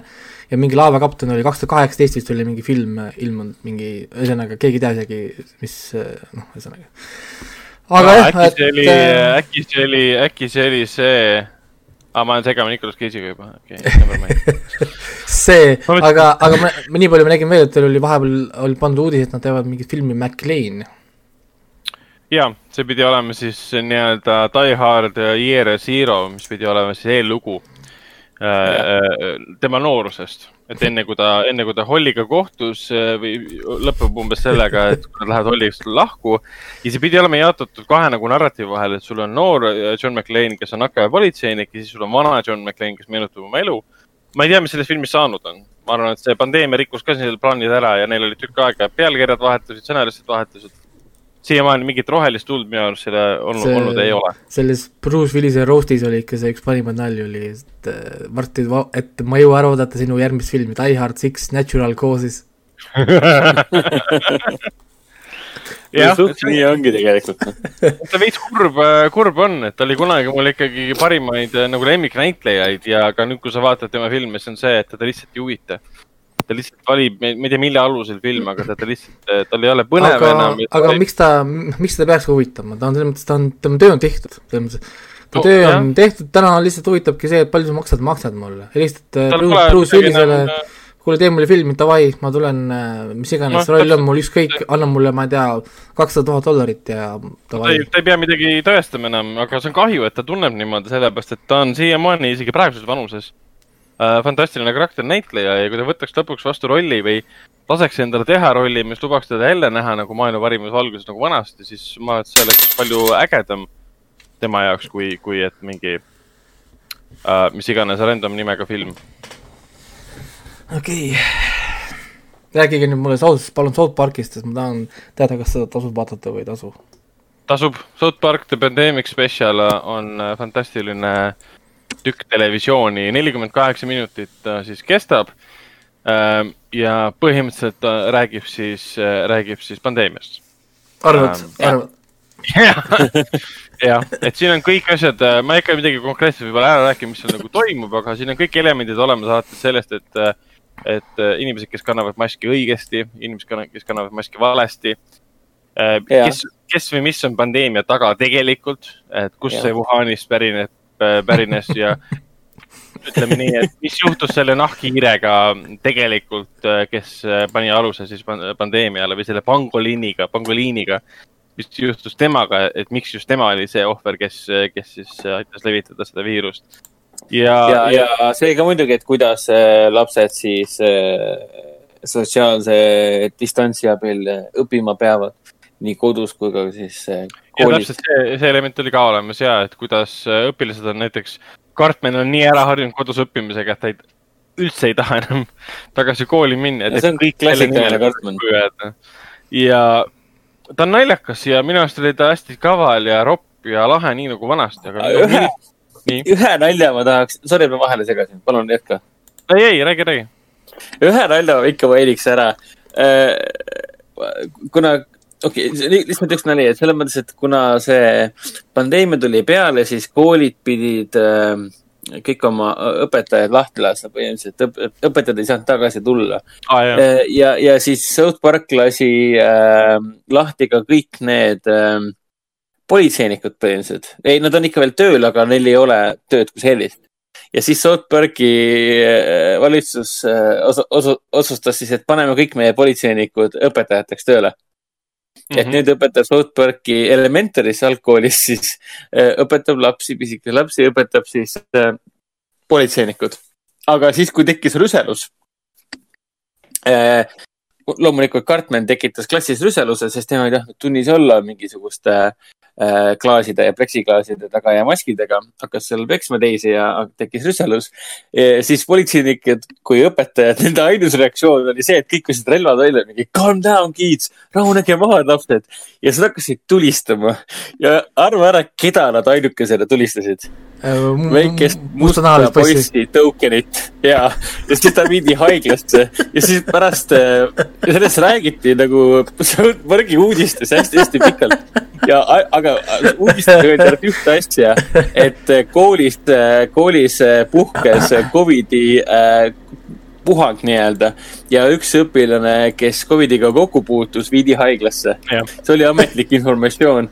Ja pärast üks õpilane küsis ka, et oot, oot, oot, aga mis mõttes viidi seoses Covidiga haiglasse, te tulistasite teda ju? ütlesid, no jaa, aga it, it was Covid relate, related. et kui poleks pandeemiat, poleks Covidit, siis yeah. meid, meid poleks politseinikena lahti lastud ja me, me poleks pidanud teil, teid õpetama tulema relvadega. nojah, aga see. It was Covid related. aga see on ju, technically it's true. jah, jah, ei kõik on õige, kõik on jumala õige, siin klassikalist South Park'i huumorit on selles äh, pandeemia spetsialis nagu hullult palju, et väga-väga nauditav. Sorry, et ma vahele niimoodi segasin, lihtsalt tuli järsku meelde. ei, seal oli siukseid elemente, elemente veel, et ma ei tea, seda põhi, põhiasju ma ei tahaks isegi välja rääkida, et see on pigem huvitav. ei, ei, see, see on liiga naljakas, seda ei saa rääkida, sellest ei saa rääkida, ta on liiga naljakas jah, aga ütleme nii, et äh, mulle meeldib see, mida nad Randy, Randy Marshiga nagu teinud on, et äh, ta võib-olla vanasti meeldis mulle rohkem, aga kuna minul on nii suur paus hooajade vahel, siis, äh, siis ma ei tea, vaata, sest ma ei ole vaadanud vist kahekümnendast või seitsmeteistkümnendast hooajast ühtegi, ühtegi episoodi. mul jäi vist aastast kaks tuhat kuusteist ja pooleli. aga Randy Marshi karakter on endiselt täielik, täielik tõbras ja enesekeskne, ütleme, kas võib nimetada idioodiks ja mulle meeldis see, et ta oli selle spetsiali põhi, põhitegelane. oli, kuigi ma igatsen küll seda äh, aega, kui Randy oli täiesti tavaline Randy, sest nagu kõik, kes on sellega kursis, siis ta on ju weed farmer selles suhtes. et ma veits igatsen seda aega, kui Randy oli lihtsalt igapäevaselt elas oma tavalist Randy elu äh, ja, ja no, te, tegeles totaalsete jamadega, korraldas igasugust jama. aga seekord on ta lihtsalt kogu aeg mingisugune weed farmer, kes on kogu aeg ennast täis ja, ja, ja muud ei tee, kui käib Hiina vahet ja äh, saadab korda pööraseid, pööraseid, pööraseid, pööraseid asju põhimõtteliselt. et kes ei ole viimast, seni viimast hooaega veel näinud, siis, siis isegi seda ma ja, äh, ei taha väga mainida, aga ütleme niimoodi, et siis, kui Randy läheb Hiinasse yeah. siis, siis, et siis oma Tegridi äh, kanepit edasi müüa Hiinas. ta kohtub seal Miki Hiirega ja, ja ta ütleme nii, et ta ähm, on valmis tegema kõike selleks, et ennast Hiinale maha müüa. kaasa arvatud seda, mida Hiina president kõige rohkem vihkab, ehk siis selleks on muidugi karupoeg Puhh ja Karupäev Puhk tuleb ka siis eelmises hooajas mängu. see oli pikk teemaliin sellega seoses, see oli väga crazy värk, mis siin ära tehakse nii-öelda. jah, kuigi ma olen kuulnud küll, ütleme pikaaegsetelt äh, fännidelt, äh, kes on kõiki episoode näinud ja on kursis, et see Pandemic Special polnud nende jaoks midagi erilist, aga ma arvan, et minusuguse jaoks, kes ei ole niivõrd palju vaadanud äh, viimased hooaegu, oli see väga eriline ja väga huvitav ja põnev. on, sest aga sellepärast, et ma saan aru, et see oli elus esimest korda nad tegid ju üle kahekümne minutilise episoodi, et seda pole kunagi varem tõesti juhtunud. täpselt. see on veits veider et nii pika ajalooga seriaal. jah, aga noh, viimane hooaeg tuli nüüd eelmisel aastal ja ma olen siis aru saanud, teevad veel neid äh, spetsialeid. Um, sest nad praegu töötavad ka niimoodi, et selle uue episoodi, siis, eh, siis behind the scenes'i video oli ka näha, kuidas kõik töötavad kodust, eh, oma kodudes siis ja nad teinud üle siis võrgu kõik, kogu selle komplekti valmis endale, kuidas nad saaksid meeskonnaga töötada. sest äh, South Park pole ammu enam seriaal, kus kaks tüüpi ise teevad kõike, nüüd on sul ikkagi terve. no ta on juba suur, ta on suur frantsiis, et, et ta täna on juba teistmoodi. ma vaatasin kohe ühe, ühe korra seda behind the scenes'i, kuidas nad tegid sellele lapsele häält. See mm -hmm. väikene laps, kes ropendab, mismoodi nad proovisid siis neid äh, lapsi panna ropendama et see oli päris, päris äh, huvitav video, kes tahab, otsige Youtube'ist üles, siis saate, see on, see on omaette niisugune huumor juba. aga Tõsi. nii, rääkige nüüd kino, kinost, mis teil räägime kinost. Lähme kinno, poisid, lähme kinno. mainime ära, et siis teisest oktoobrist alustavad äh, Eesti kinodes sellised filmid nagu ja Eesti kinodes all ma pean silmas siis Foorum Cinemas kinosid, esiteks äh, haldirahvas Pagariks, äh, uus animatsioon, äh, siis Must rästas mitmete Hollywoodi suurimate staaridega nagu Susan Sarandon, Kate Winslet, Maria. Maria, Maria., ei ole Miia. Miia Vasikoska, Rain Wilson peaosades, Taani filmi, Taani filmi uus versioon, tore, südamlik ja samal ajal väga kurb ja traagiline film. Blackbird on Taani filmi uus versioon, jah? Ma võin üle kontrollida, kas see Taani oli. ei, ei, see vist oli vist jah, vastas tõele ja, aga ma, mul läks täitsa meelest ära, et see oli remake üldse, mitte originaal. ja selle okay., ma võin meelde tuletada kasvõi igaks juhuks enda jaoks tuleviku mõttes, ähm, see oli Silent Heart, jah, Taani film, jah, Silent Heart. Pille Augusti film. okei okay.. aa, Pille äh, Augusti film ja me kõik mäletame ju Pille Augustit, et äh, mina tean teda vist kõige rohkem filmide järgi nagu, nagu, ma ei teagi, mis filmi järgi ma tean teda, miks ta nimi tuttav on? Äh, ma ei ole päris kindel ah,, võib-olla sellepärast, et ta lavastas selle mm, Liam Neesoni ja Geoffrey Russi versiooni sellest Hüljatutest või? Äh, see ka, jah ja House of Spirits oli tal ka. Äh, selle no, nende, jah, nende USA filmide pärast tõenäoliselt. täpselt, jah.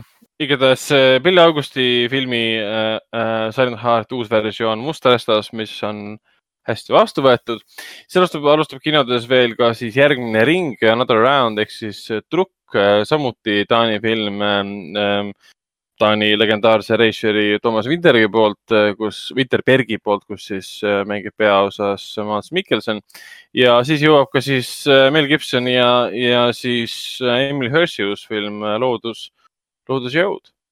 kinos Artis alustavad, alustavad täpselt needsamad filmid peale Loodusjõu ehk siis järgmine ring Mustarastas Martin Eden ja Haldirahvas Pagariks. täna me räägime pikemalt siis järgmisest äh, ringist, äh, mis, äh, mis, mille õnnestus ära näha siis Plaza's, Coca-Cola Plaza's juba kolmapäevasel päeval õhtul kell üheksa viisteist avalik seanss oli see, seal rahvast ikka oli. mitte nüüd nii palju, aga ikka oli. millest räägib järgmine ring? noh, pealkiri viitab sellele, et võtame järgmise ringi äh, õlut, et kes võtab järgmise ringi, ütleme ja film räägibki yeah. tegelikult alkoholist, alkoholi tarbimisest ja mitte, mitte kui sellest, et alkohol oleks mingi tore asi, mida peaks tarbima, vaid pigem, et äh, see räägib inimestest, kes on jõudnud oma elus äh, ütleme teatud peatükki, kus nad tunnevad, et nad vajavad muutust.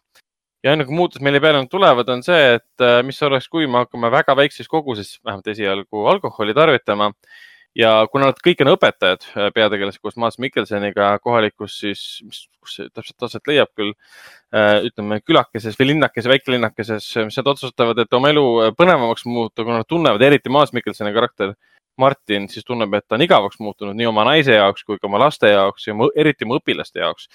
et film alguses teeb üsna selgeks selle ka, kuidas näiteks sul kekaõps äh, lihtsalt igavleb keset tundi, käsib teisel õpe, õpilasel siis teistel õpilastel teha mingeid asju, ise istub ja loeb lehte. ja Mads Mikkelsoni Martin siis üritab siis õpetada ajalugu, aga ta läheb endal juba ka sassi, mida ta õpetab seal, ta nagu ei tunne üldse huvi, läheb koju, ta ei räägi oma naisega, tal on igav, lapsed ei kuula teda.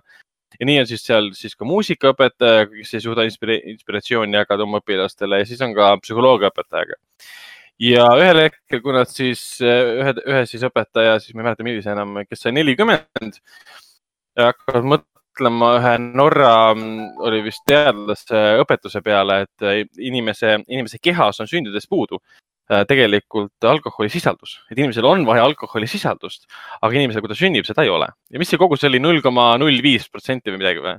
null koma null viis. promilli tähendab. Ja nad otsustavad, et aga hakkame seda hüpoteesi siis läbi viima ja, ja katsetame, katsetame selle siis reaalsuses läbi.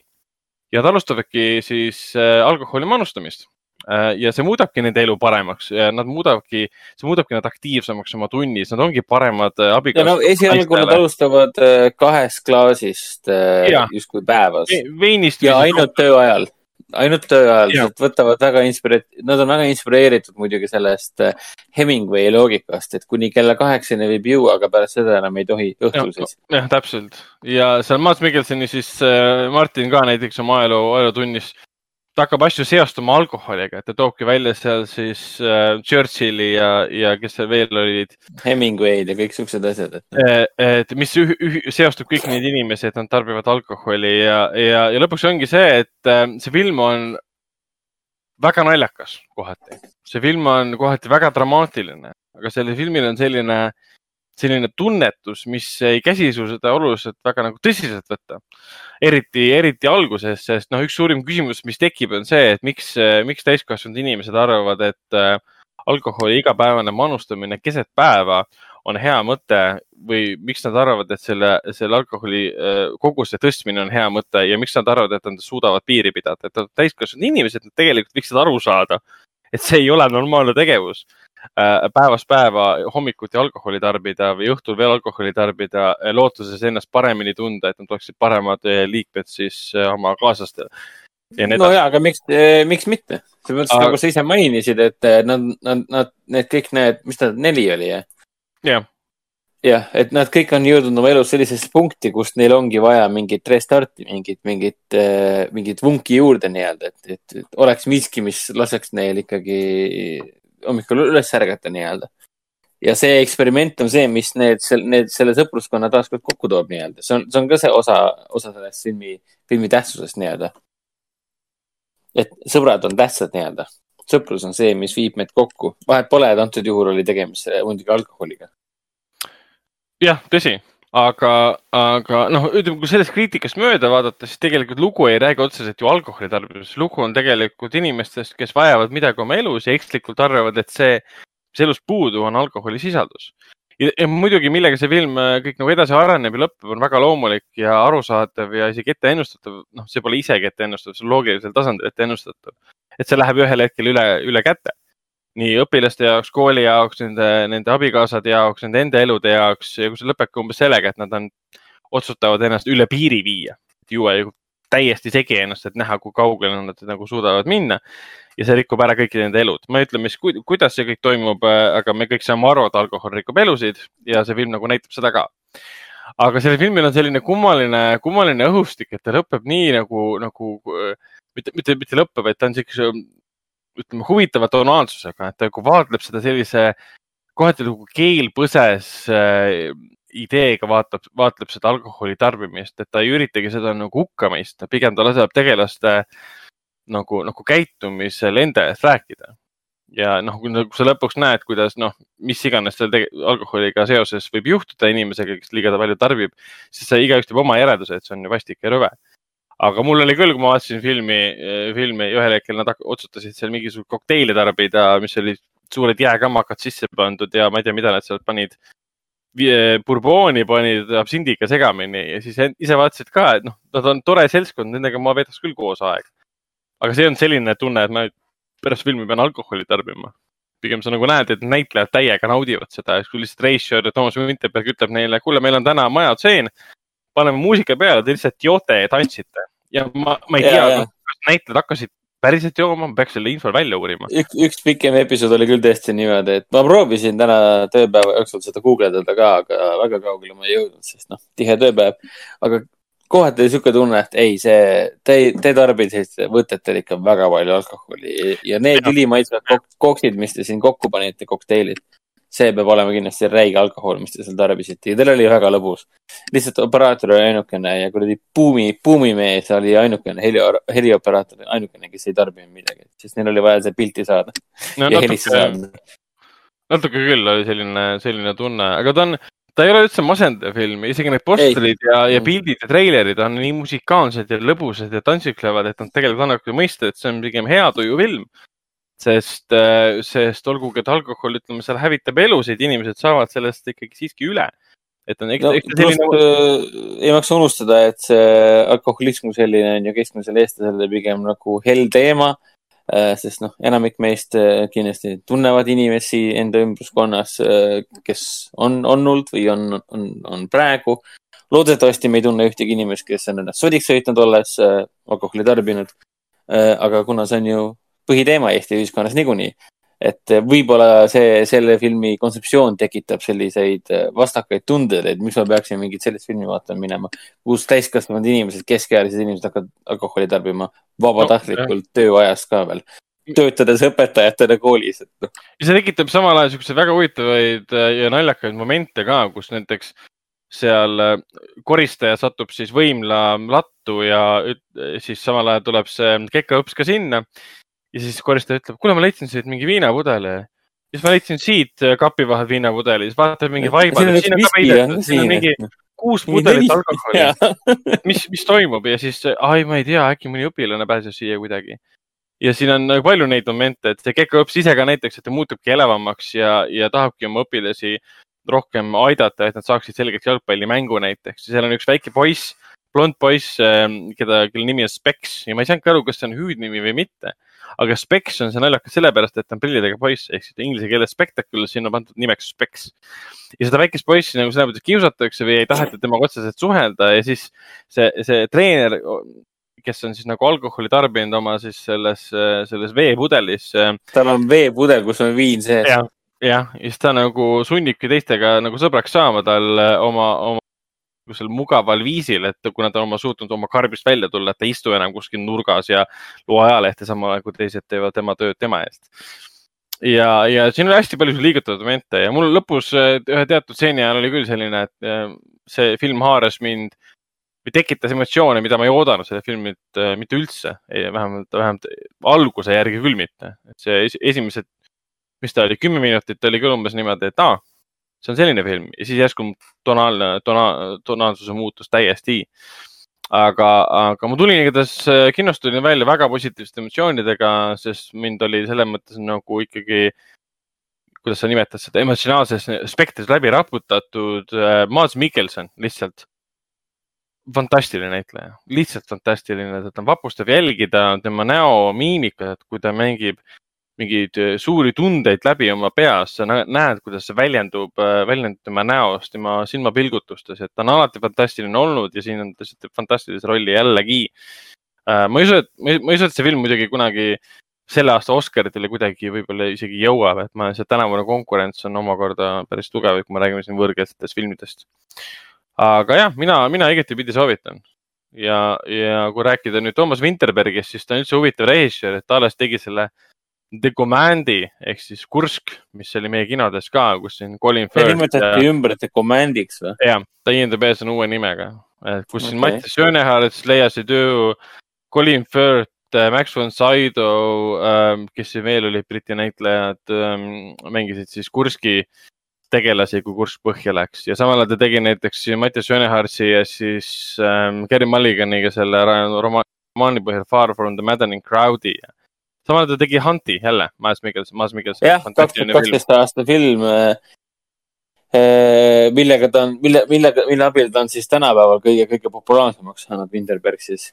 ja, ja kusjuures äh, The Hunt, tähendab, Another Round ehk siis järgmine ring ei ole Mikkelsoni ja, ja Winterbergi jaoks nagu ainus ühendav lüli tegelikult, sest kui sa vaatad nagu näitlejate nimekirja The Hunti ja siis selle äh, Another Round'i vahel, siis äh, päris paljud samad näitlejad tule, tulid tagasi, et see on nagu täielik äh, nii-öelda äh, taasühinemine nii-öelda. koos tegid nad ülieduka filmi ja siis ta võttis kohe siin mingi kolm-neli sama näitlejat kaasa ja, ja jätkavad seda teemat ka, sest The Huntis äh, Mads Mikkelson mängis ju lasteaiaõpetajat. jah, jah. noh, ja siin ta jätkab seda õpetaja teemat ka veel, mis on nagu eriti põnev pluss see balleti teema ka on selles äh, järgmises ringis sisse toodud, et äh, Mads Mikkelsoni taust. Ma-, Maas Mikkelson, Maas Mikkelson ise on siis õppinud äh, balletitantsu, nagu ma aru saan. ja, ta minu, ta minu meelest ta oligi nii, et ta alustas justkui äh, balletitantsu ka mm. -hmm. ja see ongi see, et siis yeah. on see tema taust, reaalne taust, näitleja taust on kirjutatud tema Martini karakterisse sisse. Äh, ja täpselt, et ma võin, ma praegu vaatan juhuks üle, et kas ta ikkagi, ja ikkagi balletiakadeemias õppis, ja täpselt no sellepärast ta nii äh, efektne siin, siin ka filmis, nii et see tema tausta, päriselu tausta kasutatakse mm. ära tema, tema äh, kulul nalja heitmiseks, mis töötab väga hästi. jah, aga siis, äh, siis lõppkokkuvõttes Elmi ring on hea tujufilm. ta on samal ajal ka tugev draama. Ta on samal ajal selline film, mis võib teataval vaatajal tekitada tunde, et kui poisid, lähme pärast kuskile Priudoogi, võtame mõned õlled ta võib sellise vale, vale, ütleme, signaali anda siis, mitte nagu vale signaali, vaid erinevaid signaale anda. teine signaal on see, et inimesed saavad aru, et äh, asi pole tegelikult alkoholis. asi oli selle filmi eesmärgis, mis lugu jutustada nende karakterite kaudu, mis nendel viga oli, et nad oleks võinud ükskõik mis vahendi leida, mis oleks neil esialgu tekitanud hea tuju ja siis nende elud hävitanud on see siis alkohol või ma ei tea, autodega kihutamine, mis iganes, nad oleksid, Reischer oleks saanud seda teemat kasutada allegooriana nende tegelaste murdumisest, et kõigil olid mingid probleemid, need pidi lihtsalt kuidagi välja elama. et minu arust yeah. tark ja intelligentne film, eriti selle koha pealt, kuidas ta alkoholismi kui sellist asja nagu vaatab ja, ja kujutab ja samal ajal ülimalt lõbus ja helge ja tore ka, mis on väga huvitav kombo täpselt, et kui tahad midagi väga tõsist ja samas ka väga naljakat näha, siis see on nagu täiesti perfektne film. ja kui sa tahad ainult naljakat näha, siis seda saab ka ohtrassilt, et, et minu, minu, praeguse seisuga minu selle aasta lemmikfilm. et ühtegi, ühtegi nii lemmikut vist äh,, okei okay,, noh, Tenet, Tenetiks, aga äh, ma praegu vaatasin kusjuures üle ka, et mis mu selle aasta lemmikfilmid on. et päris paljud need mu lemmikfilmid on isegi pärit ju aastast kaks tuhat üheksateist nad lihtsalt nii palju hiljem tulid ju Eestisse, näiteks nagu see Guns Akimbo näiteks, noh. ta ju tuli no. veebruari, veebruari lõpus äkki või märtsi alguses tuli alles Eestisse. ja, aga noh, see selles mõttes lähebki kokku, et kui sa oled näinud sellel aastal eelmise aasta filmi, siis ta läheb selle aasta arvesse ikkagi. jah, pigem, pigem küll. aga praegu vaatasingi, et koos selle järgmise ringiga mu selle aasta lemmikfilmid vist ongi Guns Akimbo, äh, see Daniel Radcliffe'i film, mis siin kevadel kinos oli. Palm Springs kindlasti ja, ja noh, Tenet ka. kuigi andke andeks, ega Underwater äh, Kristen Stewartiga oli ikka väga hea film andke andeks, aga oli hea film. seda ei osata muidugi hinnata praegu väga kõrgelt, aga. ütleme nii, et kõik, kõik, kes on vähegi härra, härra H.P. Lovecrafti lugenud või austanud, siis äh, Underwater on äh, väga kõva film. on, on tõesti aga selge, siis äh, liigume edasi, liigume edasi uudiste, uudiste juurde ja esimene uudis on siis, äh, mis puudutab äh, The Last of Us'i seriaali, millest me juba rääkisime ka seoses Chernobyli loojaga Craig Mazin, kes siis kirjutab selle stsenaariumit.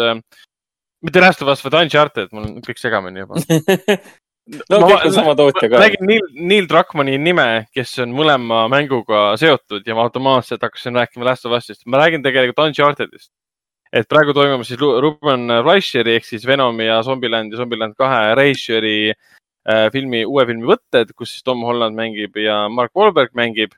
ja miks me sellest äh, uudisest üldse nagu pikemalt räägime, sellepärast et siis Neil Druckmann, kes on siis äh, olnud ähm, Naughty Dog, Naughty Dogi siis creative director ja Uncharted'i ja Last of Us'i seeria juures olnud põhiline inimene, ütleme see loominguline jõud äh,, eriti see Uncharted neljast alates äh,, siis tema käis siis võtetel üle vaatamas, kuidas siis Uncharted filmi läheb ja justkui see on justkui sihilik, sihilik selline PR kampaania on toimumas. sellepärast, et Tom Holland siis jagas tema Neil Druckmanni muljeid võtetest ja see kõik oli väga suurepärane ja võimas ja äge ja mm, -hmm. ja mhm. huvitav ja põnev. väga rahule jäänud, väga, väga rahule see tundub mulle PR promo puhtalt sellepärast, et kui need esimesed võttefotod lekkisid, siis inimesed ei olnud rahul. ja nüüd siis Tom Holland jagab Neil Druckmanni sõnu, et äh, näed, Uncharted'i looja, mitte looja, aga siis ähm, mängurežissöör on hästi rahul selle filmiga ja me kõik fännid peaksid ka rahul olema, et ühesõnaga kiidetakse, filmi tegijad ja, ja filmis osalejad kiidavad omaenda loodut äh,. ma loodan, et see kiitus vastab tõele ja see film tuleb hea, aga mul on omad kahtlused muidugi no jah, nii ja naa selles suhtes. ma, ma pigem ka kahtlen kõiges, mida nad hetkel teevad, aga samas, samas kui nüüd see oli veitsa, veidikene, veidikene niuke, ma ei tea, kerge, kerge pöörn oli. et kahtled no. kõiges, mida nad teevad no suht jah, et ma ei tea, kui siin meenutada seda, mida nad siin hiljuti Tomb Raideriga tegid, et noh e. ega see Alicia Vikanderi film siis kaks aastat tagasi. Ega otseselt sellel filmil polnud ju häda midagi. ta jäljendas tegelikult väga edukalt äh, seda äh, Tomb Raideri seeriat, mis siis kaks tuhat kolmteist aastal uuesti algas nii-öelda. Reboot itud uuendatud kujul et noh, tegelikult sellel Tomb Raideri filmil otseselt ju massifilmina justkui väga palju häda ei olnudki, et ta sai hakkama tegelikult sellega. olgugi, et ta oli juba liiga sarnane ja võttis oma keerdkäike kuidagi liiga lihtsalt ja noh, jah, kõik siuksed asjad. Aga äh, sellepärast ma nagu kahtlengi kõiges, mis nad teevad, sest noh, Uncharted on Uncharted. et Craig Mazin ja, ja HBO ja Last of Us kõlab ikka palju-palju kvaliteetsema ja originaalsema ja ja kindlamana kui see, et ah, teeme nüüd filmi ja paneme Mark Wahlbergi mängima Sallit. palun ei. et see on märk sellest, et midagi läheb nihu. on ju, Ragnar? on ju, Raiko? Kõik on nõus minuga. et täielik, täielik läbikukkumine vaikne, vaikne, vaikne nõustumine, aga noh, pigem ootame ja vaatame, mis, mis juhtub. Õnneks me ei pea enam väga kaua ootama, mida, me ei pea ootama Borat, Borat kahte, jah, Borat. Borat tuleb tagasi, jah. Borat kaks on reaalne film, järg siis äh,, issand, kahe tuhande kuuenda aasta filmile. vaatame igaks juhuks üle aasta, kas on mul hästi õigesti meeles ja.... täiesti lõpp, et see järg üldse olemas on Barat oli aastal, oligi kaks tuhat kuus, jah, täpselt, mul oli õigesti meeles, issand, kui tore, ma olen väga rahul iseendaga. ja, ja kaks tuhat kuus oli Barat siis Sacha Baron Coheni film, film kandideeris ka siis äh, Oscarile äh, parima siis äh, stsenaariumi eest. Ähm, ja, ja ka kuldgloobustele ka. ja on tulemas järg, järg tuleb välja siis Amazon Prime videosse, jõuab otse sinna kahekümne kolmandal oktoobril ja film on selles mõttes huvitav, et ta filmiti, võeti siin üles äh, selle pandeemia shutdown'i ajal USA-s. ja Brat, see Saša Baron Cohen näeb siis oma rolli muidugi ja esimene treiler on ka kõik väljas, kõik võivad otsida lihtsalt Brat kahte ja leiate selle treileriga üles. ja Borat, nagu näha. Borat kaks, sa kohe ütled nagu Brat kaks, Brat. Brat, Brat, Brat kaks. Sergei Bodrov. Brat, Brat, Brat et äh, aga film ise, noh, selles mõttes kannab äh, täpselt sama stiili, mis eelmine film, et sul on mm, selle Borati karakter, kes ei ole enam, ma saan aru äh,, Kasahhi siis äh, TV-saatejuht. nüüd ta on lihtsalt inimene, kes peab minema nagu undercover eid siis intervjuusid läbi viia. aga mõte on endiselt sama, nii nagu esialgses filmis, et ta viib läbi teise persoonina intervjuusid inimestega, kes ei tea, kes ta on sest no Ameerika on suur ja lai, kõik ei mäleta enam isegi, kes või mis asi üldse Borati film oli, see, mis see fenomen üldse, milles see seisnes. loomulikult, loomulikult. et me ei, me ei saa eeldada, ta läheb kuskile X kohta Ameerikas äh, ja siis ähm, Ameerika Ühendriikides siis ja inimesed teavad kohe, et aa, sa oled see tüüp sellest filmist, mis on see Sacha Baron Cohen, kellel tuleb Netflixis kohe välja see äh, Trial of Chicago Seven äh, jah. Yeah,, aga, aga, aga film tundub äge ja tundub sama selline, ma ei tea, kas ta tuleb nii rõve ja ropp nagu see üks stseen äh, esimeses Boratis, kus oli selline naked wrestling. see, see oli päris fun ju, seal hotelliruumis või? see oli? Hästi nunnu ju aa, sellega see... ka guugeldage või Youtube'ist leiate selle making of video ka sellest, siis nad räägivad sellest uh, behind the scenes. see on päris, päris ah., päris uh, võib-olla isegi sama hea kui see, kui see tseen ise, et ah, ma ei, ma ma olen, ma ausalt öeldes ma ei ole Barati uuesti vaadanud äh, pärast aastat kaks tuhat kuus, kui ma seda kinos vaatasin. aga teist filmi, teine filmi siis äh, pealkiri nüüd on, ametlik pealkiri on Borat äh, Subsequent äh, Movie Film. Et esialgne pealkiri siis, mis oli töö pealkiri, oli äh, Borat äh, Subsequent Movie Film. tähendab, oota Äh, esialgne pealkiri, mis oli töö pealkiri, oli Borat Gift of Pornographic Monkey to Wise Premiere Michael Pence to make benefit. see osutus valeks pealkirjaks, nüüd on ametlik pealkiri Borat subsequent movie film, koolon. Delivery of prodigious uh, bribe to American regime for, for make benefit once glorious nation of Kazakhstan. jah. okei. et okay. äh, jah jah, täpselt ja, ja, ja vaatame, mis sellest saab, et mina olen äh, väga Kui, vaimustuses. Nojah, kuna see kinodest ei tule nüüd ju, kui ta läheb otse Prime videosse, ta kinno ei tule üldse ju. ei tule, ei tohiks tulla jah. ma just mõtlesin, et, et kuidas seda.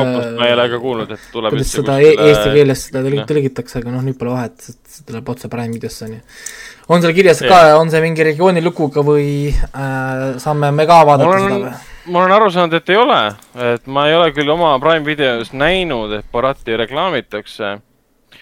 aga minu arvates ta ei ole lukus. kui lihtsalt minna Prime videosse ja praegu panna siia Borat otsingusse, siis ta ei anna veel midagi.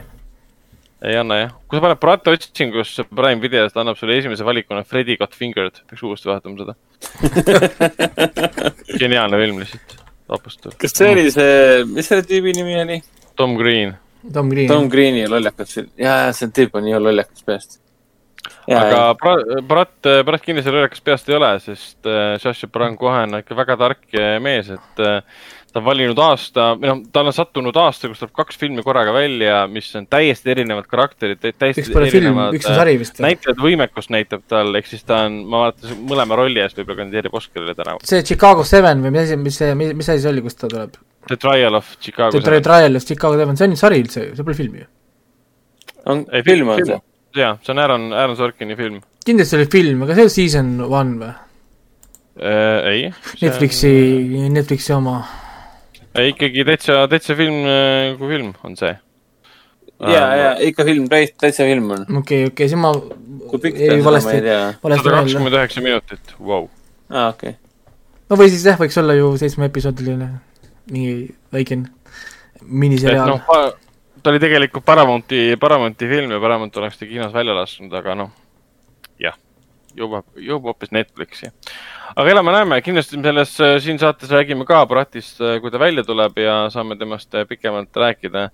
et emba-kumba vaata, kas, kas Baratil on maja ära elanud ja Baron kohe lihtsalt üritab vana, vana suppi soojendada või siis on täiesti see vajalik asi praegusel ajal. oi, see läheb kindlasti, see on, ma juba tean seda, ma juba tean, mul on paar sõpra, kes elavad ainult seal Borati naljade ja igasuguste vana, vanameeste ja ja, ja selliste miimide ja asjade peal ja see annab nendele ainult uut, uut kütust, ainult uut kütust äh, asjade, asjade jaoks ja ja ma juba tean, et see tuleb niimoodi, seesama tiive, mis mul siin taga on, me vaatame seda siit, ma juba mm -hmm. tean seda, et siin tuleb palju alkoholi, palju muid tegel-, tegelikult tegevust. Ja siis ma pean kuulma aastaid neid nalju, mis seal filmis tehakse.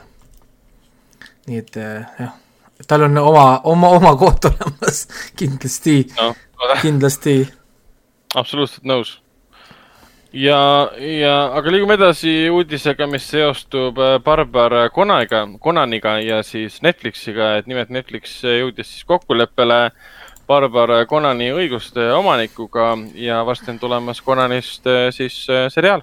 aga miks äh,?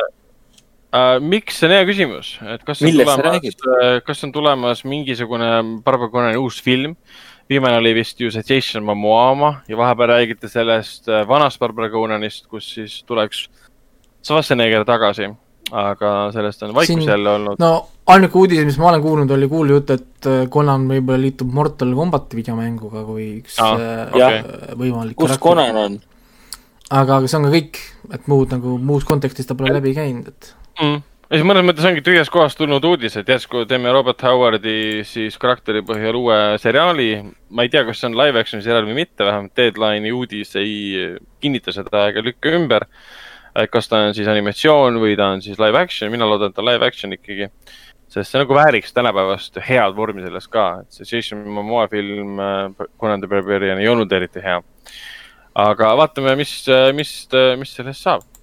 Äh, millega me saime jätkata veel, on siis äh, Risti, Risti isaga, nimelt Godfatherist ehk Risti isast Coppola, Coppola filmist on valmimas omakorda film kuidas tehti film, film sellest, kuidas tehti film. täitsa, täitsa huvitav projekt, et Oscar Isaac ja Jake Gyllenhaal mängivad ja Barry Levinson lavastab.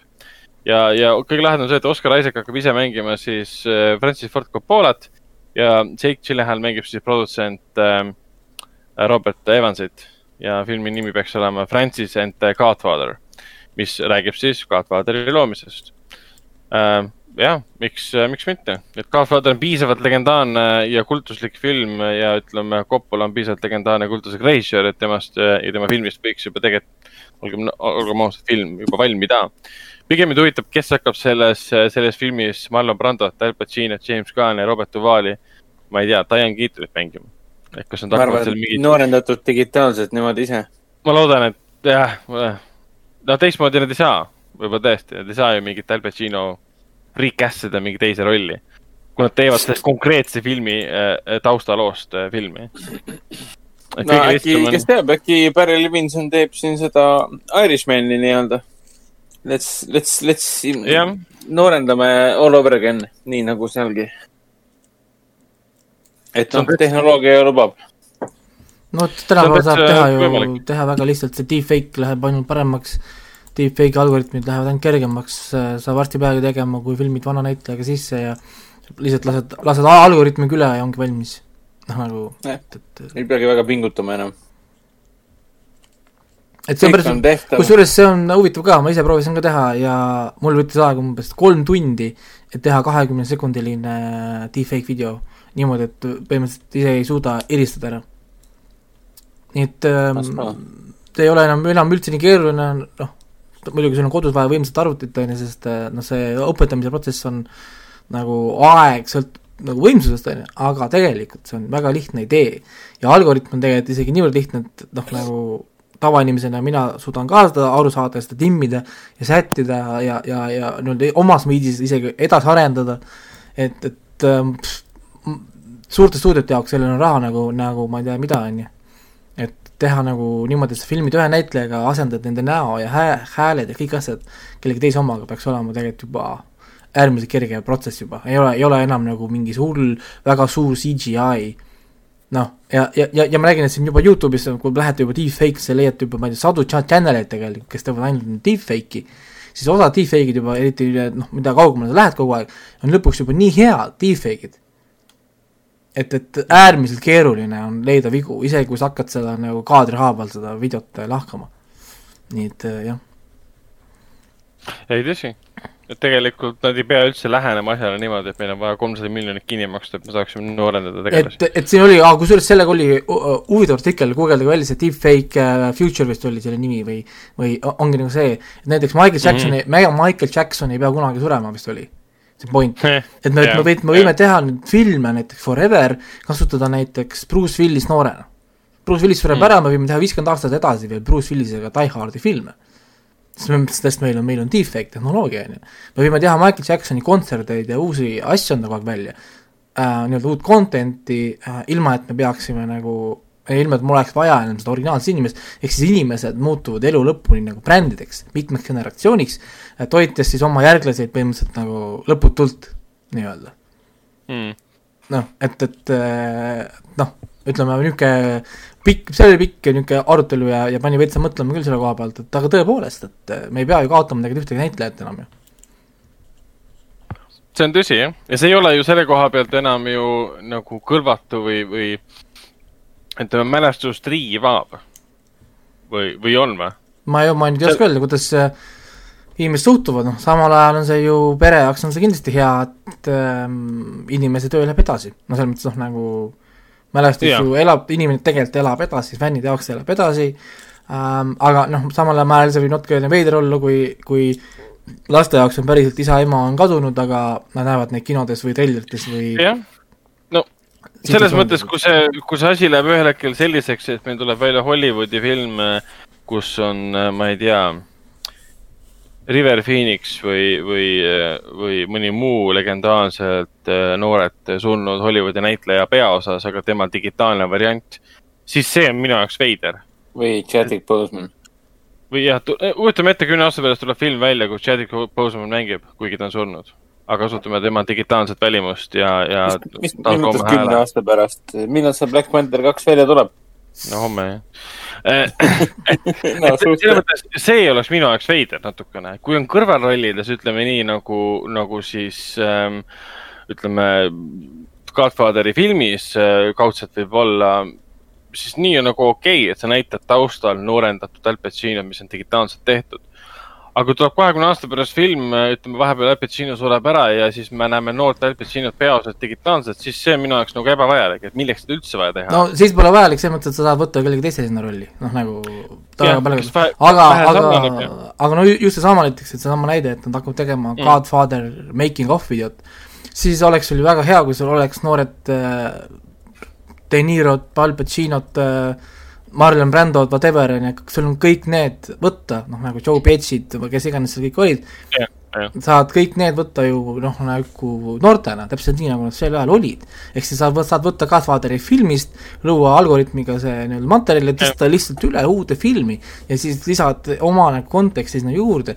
ehk siis sa saad nii-öelda neid vanu frants-, frants-, neid vanu frant-, äh, frantsiise ja brände ja asju toita nagu igavesti. näiteks samamoodi, kui me teeksime Tagasi tulevikku neljanda filmi, järgmine põlvkond läheks tagasi minevikku, kus ta kohtaks vanad äh, Martin McFly'd, ta kohtakski reaalselt Michael J. Foxi noorena.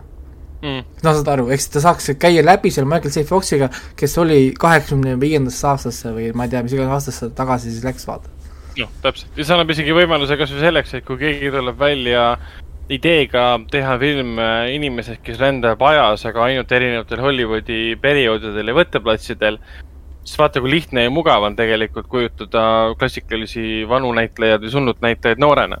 noh, kohtub, jah, ta, ta. aga kohtumise jaoks on see piisavalt üürike ja, ja sobilik et ta, et ta kohtabki Marilyn äh,, Marilyn Monroe'd või, või Charlie Chaplinit ja ongi no, Charlie Chaplin, selles mõttes tema hääl, tema nägu, tema olek, kõik on tema oma, noh, seal sul on näitleja. selle jaoks on see tehnoloogia ideaalne selle no, koha pealt. ongi, sa, sul on vaja ainult leida üks, üks näitleja, kes oskaks neid äh, kehaliselt ja. siis äh, kopeerida, noh, neid näitlejaid. ja see pole keeruline, sest meil on nii palju, noh, võtta igasuguseid andekaid inimesi, kes oskavad teha neid asju, vaata aga muidugi see võib kõik lõppeda sellega, et äh, tehakse film äh, noore Clint Eastwoodiga, öeldakse, et tule vaata CGI. ei noh, see ka muidugi, jaa. noor Clint Eastwoodi. noh, see ka muidugi, see ka muidugi ja, ja muidugi esimene asi, milleks deepfake'i kasutati, oli ju porno, on ju. Et, et, et äh, see läks kohe nagu käiku ja sellega on juba niikuinii nii palju kohtu case asju käigus, et. nojah, muidugi. et, et aga noh, see on iga tehnoloogia kõigepealt kasutatakse ära pornos ja siis äh, muu äh, osa võtab siis selle nagu üle ja järgi ja arendab ja teeb seda paremaks ja mm.. no täpselt, aga, aga, aga vanadest asjadest rääkides ja klassikalistest näitlejatest rääkides, siis on äh, valmimas ka teleseriaal, mis põhineb siis Sergio Leone filmil äh, Fistful of Dollars, mida ma mainisin juba enne ka siis äh, seoses Kurosawa Yoshimbaga ja siis Walter Hilli Last Stand, Last Man Standing sellepärast, et sellest on valmimas äh, seriaal, seriaal on valmimas siis äh, troonide mängu stsenaristi abil. Brian Koogman on siis selle nii-öelda mm, creative director või siis looja. ja, ja aru, noh, üritavad sellest teha siis modernse projekti, modernse, modernse nägemuse klassikalisest loost. film ise siis kuuekümne neljandast aastast pärit, pani aluse siis veel kahele äh, kahele filmile For a few dollars more ja The good, bad and ugly ja muidugi pani aluse siis ähm, Clint Eastwoodi kogu äh, karjäärile. aga seriaali kohta midagi muud teada pole peale selle, et nad äh, teevad modernse ümberjutustuse klassikalisest äh,, klassikalisest filmist. vot, mis meil veel uudiste juures on rääkida äh,, räägime veel klassikalistest filmidest nagu Lõvikuningas, no mitte sellest klassikalisest animatsioonist, vaid sellest klassikal-, mitte klassikalisest lihtsalt oh. anime, äh, realistlikust animatsioonist äh, Lõvikuningas, mis nüüd, millal ta välja tuli, eelmisel aastal või? kaks aastat tagasi vist tegelikult. kaks aastat tagasi juba või? oota, kaheksateist või? ma arvan, et ikka kahe, äkki oli kaheksateist vist ikka Lion King, ta ei olnud ju eelmine aasta või? Mul on juba siin eelmine e, e, eelmine aasta, eelmine aasta, jah. issand. ikka eelmine aasta. siis on ikka väga pikk, pikk aasta olnud see kaks tuhat kaks tuhat kakskümmend on väga pikk aasta olnud. on, täiesti. on, on, on, on küll. täiesti nõus, et uh, tuli siis Lõvikuningas välja, mis oli siis fotorealistliku animatsiooniga tehtud Äh, film äh, teenis äh, üks koma seitse miljardit dollarit, tehti siis kahesaja kuuekümne miljoniga. kriitikud seda filmi vihkasid suhteliselt, minule jättis, minu jaoks oli see film täiesti ükskõikne. nõus, aga, aga mu lapsed olid väga vaimustuses, me oleme vaadanud seda mingi kakskümmend viis korda, nii et. oh sa kurat, ma usun, sest ta näeb äge välja, ta näeb visuaalselt. me vaatasime ka ju nii, nii eesti kui ka inglise keeles Inglise keeles oli parem muidugi, seda eesti keel oli minu jaoks väga veider. Mulle eesti keeles täitsa meeldis, ma jäin väga rahule. aga Lõvikuningale on tulnud, on tulemas, tulemas järg. ja, ja kui esimese filmi juures lavastas seda John Favreau ja see ei olnud üldse üllatav, et tema lavastas, sest ta on Disney heaks teinud siin Iron Man ühe, Iron Man kahe, Jungle Booki, praegu teeb siis Mandaloriani, ta on Disney reisijal aga, aga Lion Man äh,, Lion Man, Lion King äh, kahe toob meieni Barry Jenkins. Barry Jenkins on äh, USA indie-filmide režissöör, Moonlighti, Moonlighti režissöör, millega ta sai siis parima filmi Leroy ja režissööri Oscarist mm. -hmm. ja ta tegi ka When, when selle James Baldwini romaani põhjal When a Beale Street ähm, äh,, When a Beale Street Could Talk vist oli või? ma praegu yeah. peast tuletan äh, tuletan if, meelde. If Beale Street Could Talk oli vist niipidi. täpselt, täpselt. Ja, ja see on väga huvitav, väga veider valik, et temasugune mitmekordne Oscari võitja, näitlejatel Oscarit toonud äh, kvaliteetsete filmide, romaanide, ekraniseeringute poolest tuntud režissöör võtab ette multimiljardi, noh, multimiljoni projekti nagu, nagu Lõvi, Lõvikuningas kaks et ja tema põhjendus oli ka umbes, et ja ma väiksena, väiksena vaatasin palju Lõvi kuningat, me kõik olime sellega kursis. see on siuke tüüpiline asi, kus annad teada, et ma võtsin vastu yeah. äh, filmi, mille palganumber on tõenäoliselt mingi, ma ei kujuta ette, paar miljonit ikka on. ja ühesõnaga jah, ja Lõvi kuningas, Lõvi kuningas kaks tuleb, et noh. ja see, kaks... see väidetavalt olevat uh, Mufasa eellugu või? aga ka, ma just tahtsin küsida, et kas see tuleb siis nagu päris Lion King kaks oli äh, nagu Lion King kaks remake jah. või on see nagu remake'i uus originaaljärg? Lõvikuninga, Lõvikuninga filme on mingi mustmiljon tükki peaks olema eraldiseisev teine osa, et ta ei ole selle Lion King kaks äh, Simba's Pride äh, remake, ta on äh, oma lugu nii-öelda siis. aga, aga ma sain ka aru, et see pidi ka olema prequel ehk siis eellugu äh,. täitsa võimalik. ma nägin kuskilt nagu lugesin informatsiooni selle kohta ja siis sihuke info tuli mulle vastu see tekitab küsimuse, et kellel sihukest asja vaja on. nagu kes, kes küsis nagu no, kes on, küsis seda? no see on Disney, kes see küsis seda viimast Mulani filmi, mis me saime, noh. keegi küsis no, seda. absoluutselt. Nad lihtsalt teevad, mis tahavad. kellel seda vaja on et sa oh,, ma muidu lugesin siin kusjuures äh, ühte uudist selle kohta ka, vaata, mis saab selle Black Panther kahega ju. et Nii. mis sellest story'st ja asjadest nagu saab, et ma saan aru, film cancel'it ei saanud Need vist esimesed ideed vist on ikkagi see, et äh, karakter sureb ära off-screen ja siis see tema see õde või, või ma ei mäleta, mis karakter tal oli. Shuri. Shuri vist oli jah, mis ta nimi oli, tema, te, tema on siis nüüd see uus, kes võtab üle ja ja, ja siis nad seovad nagu filmi veel ära, et see on mitte ainult nagu musta, mustanahaliste ja Wakanda lugu, vaid ka naise äh, lugu, kuidas siis naine proovib siis meeste kontrollitud maailmas siis hakkama saada see on veidi kummaline, sellepärast et jah, mis puudutab Wakandat ja esimest seda mm, Black Pantherit, siis mis puudutas võime, võimukaid ja võimekaid ja, ja austatud naisi, siis äh, Wakandas nendest väga palju üldse puudust ei tulnudki. selles mõttes, et Wakanda mõjus küll väga, kõige progressiivsem kuradi riik, mis kunagi maailmas on olnud selle koha peal. nojah, aga nagu öeldakse, ta on äh, fantaasia, nii et äh, fantasy. nojah fantaasia ongi progressiivne, nii et noh, jah. Sorry, sorry reaalsus. Your yeah., your time's up, noh aga kas see ei olegi mitte oh. iga, iga selle filmi ja seriaali point või? on, sellepärast me filme, filme vaatamegi, seriaale vaatamegi, et elu on palju ilusam ja muru on rohelisem. taevas on sinisem. värvid on 4K-s palju paremad kui realistlikud. jaa, on küll jah. ah jah, Ragnaril on nüüd õigem, vot oluline asi jäi mainimata podcast'is, sa ei ole öelnudki, et sul on nüüd 4K kuva, sa oled nüüd tulevikus. mul on 4K HDR kuvar, nelikümmend kolm tolli. sul on uh, põhimõtteliselt nagu telekas, telekas põhimõtteliselt. põhimõtteliselt küll jah, ütleme niimoodi, et mina kui eluaegne prillikandja Äh, ma näen elu, elus esimest korda elu siis 4K-s nüüd.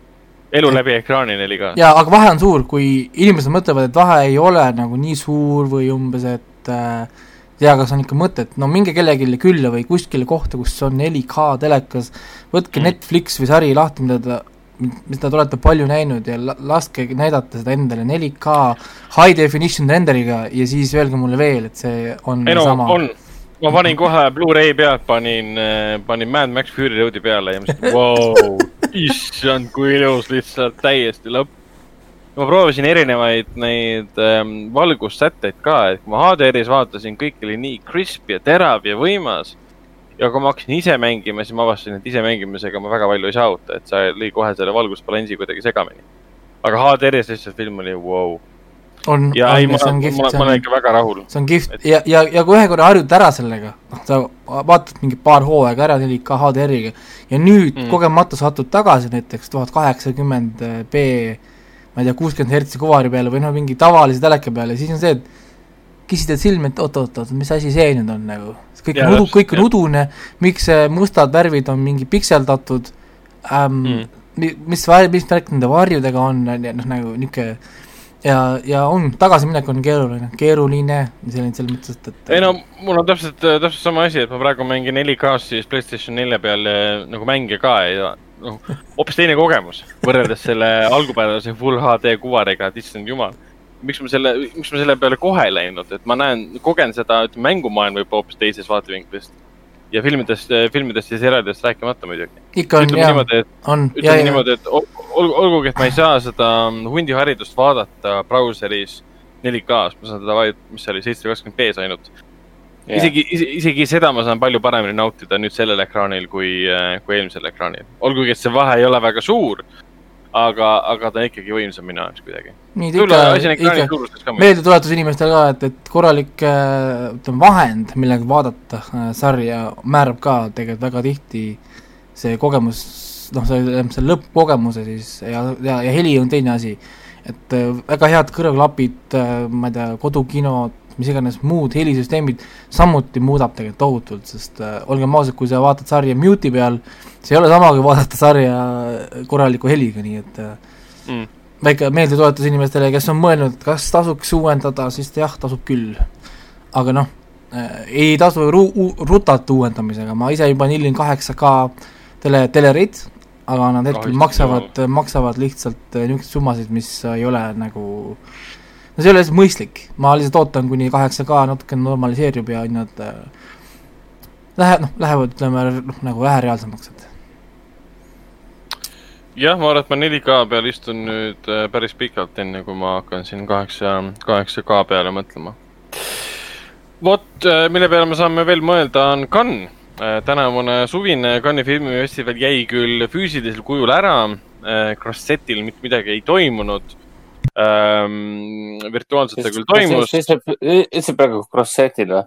no ma hääldan ilmselt seda väga valesti, aga cross-set või cross-set või kuidas sa ütled seda? ei, ei, kõik on äh.... ütle mulle uuesti, mis, mis sõna see on?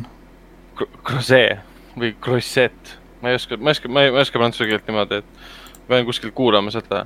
no cross-set'iks nimetatakse seda, seda, seda tänavat. ja ei, ma saan aru, see cross-set, kuidas seda, ma ei kujuta ette, kuidas nad seda hääldavad Croissant, croissant. Croissant, see päris croissant ei ole muidugi.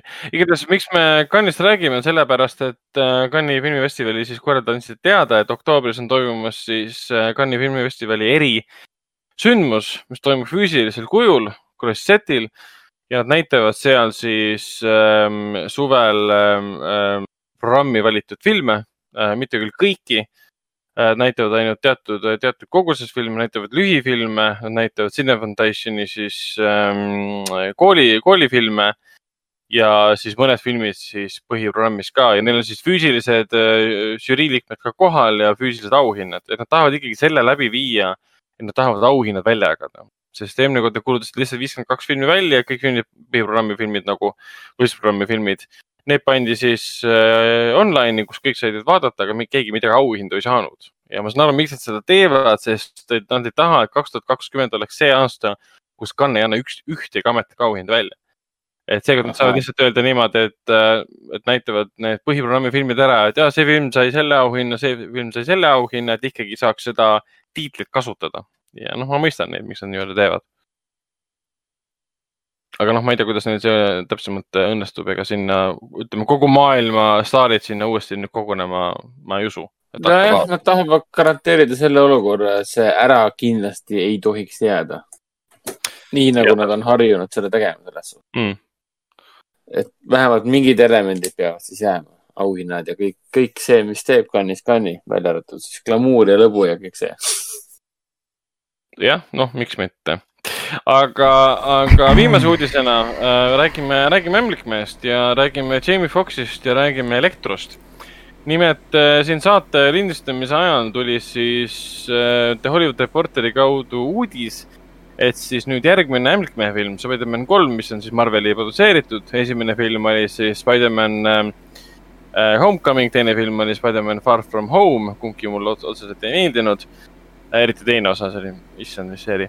No, esimene oli väga viisakas ju, polnud tal ära midagi. oli siin okay., siin läheb kaklemiseks ära ja, ja.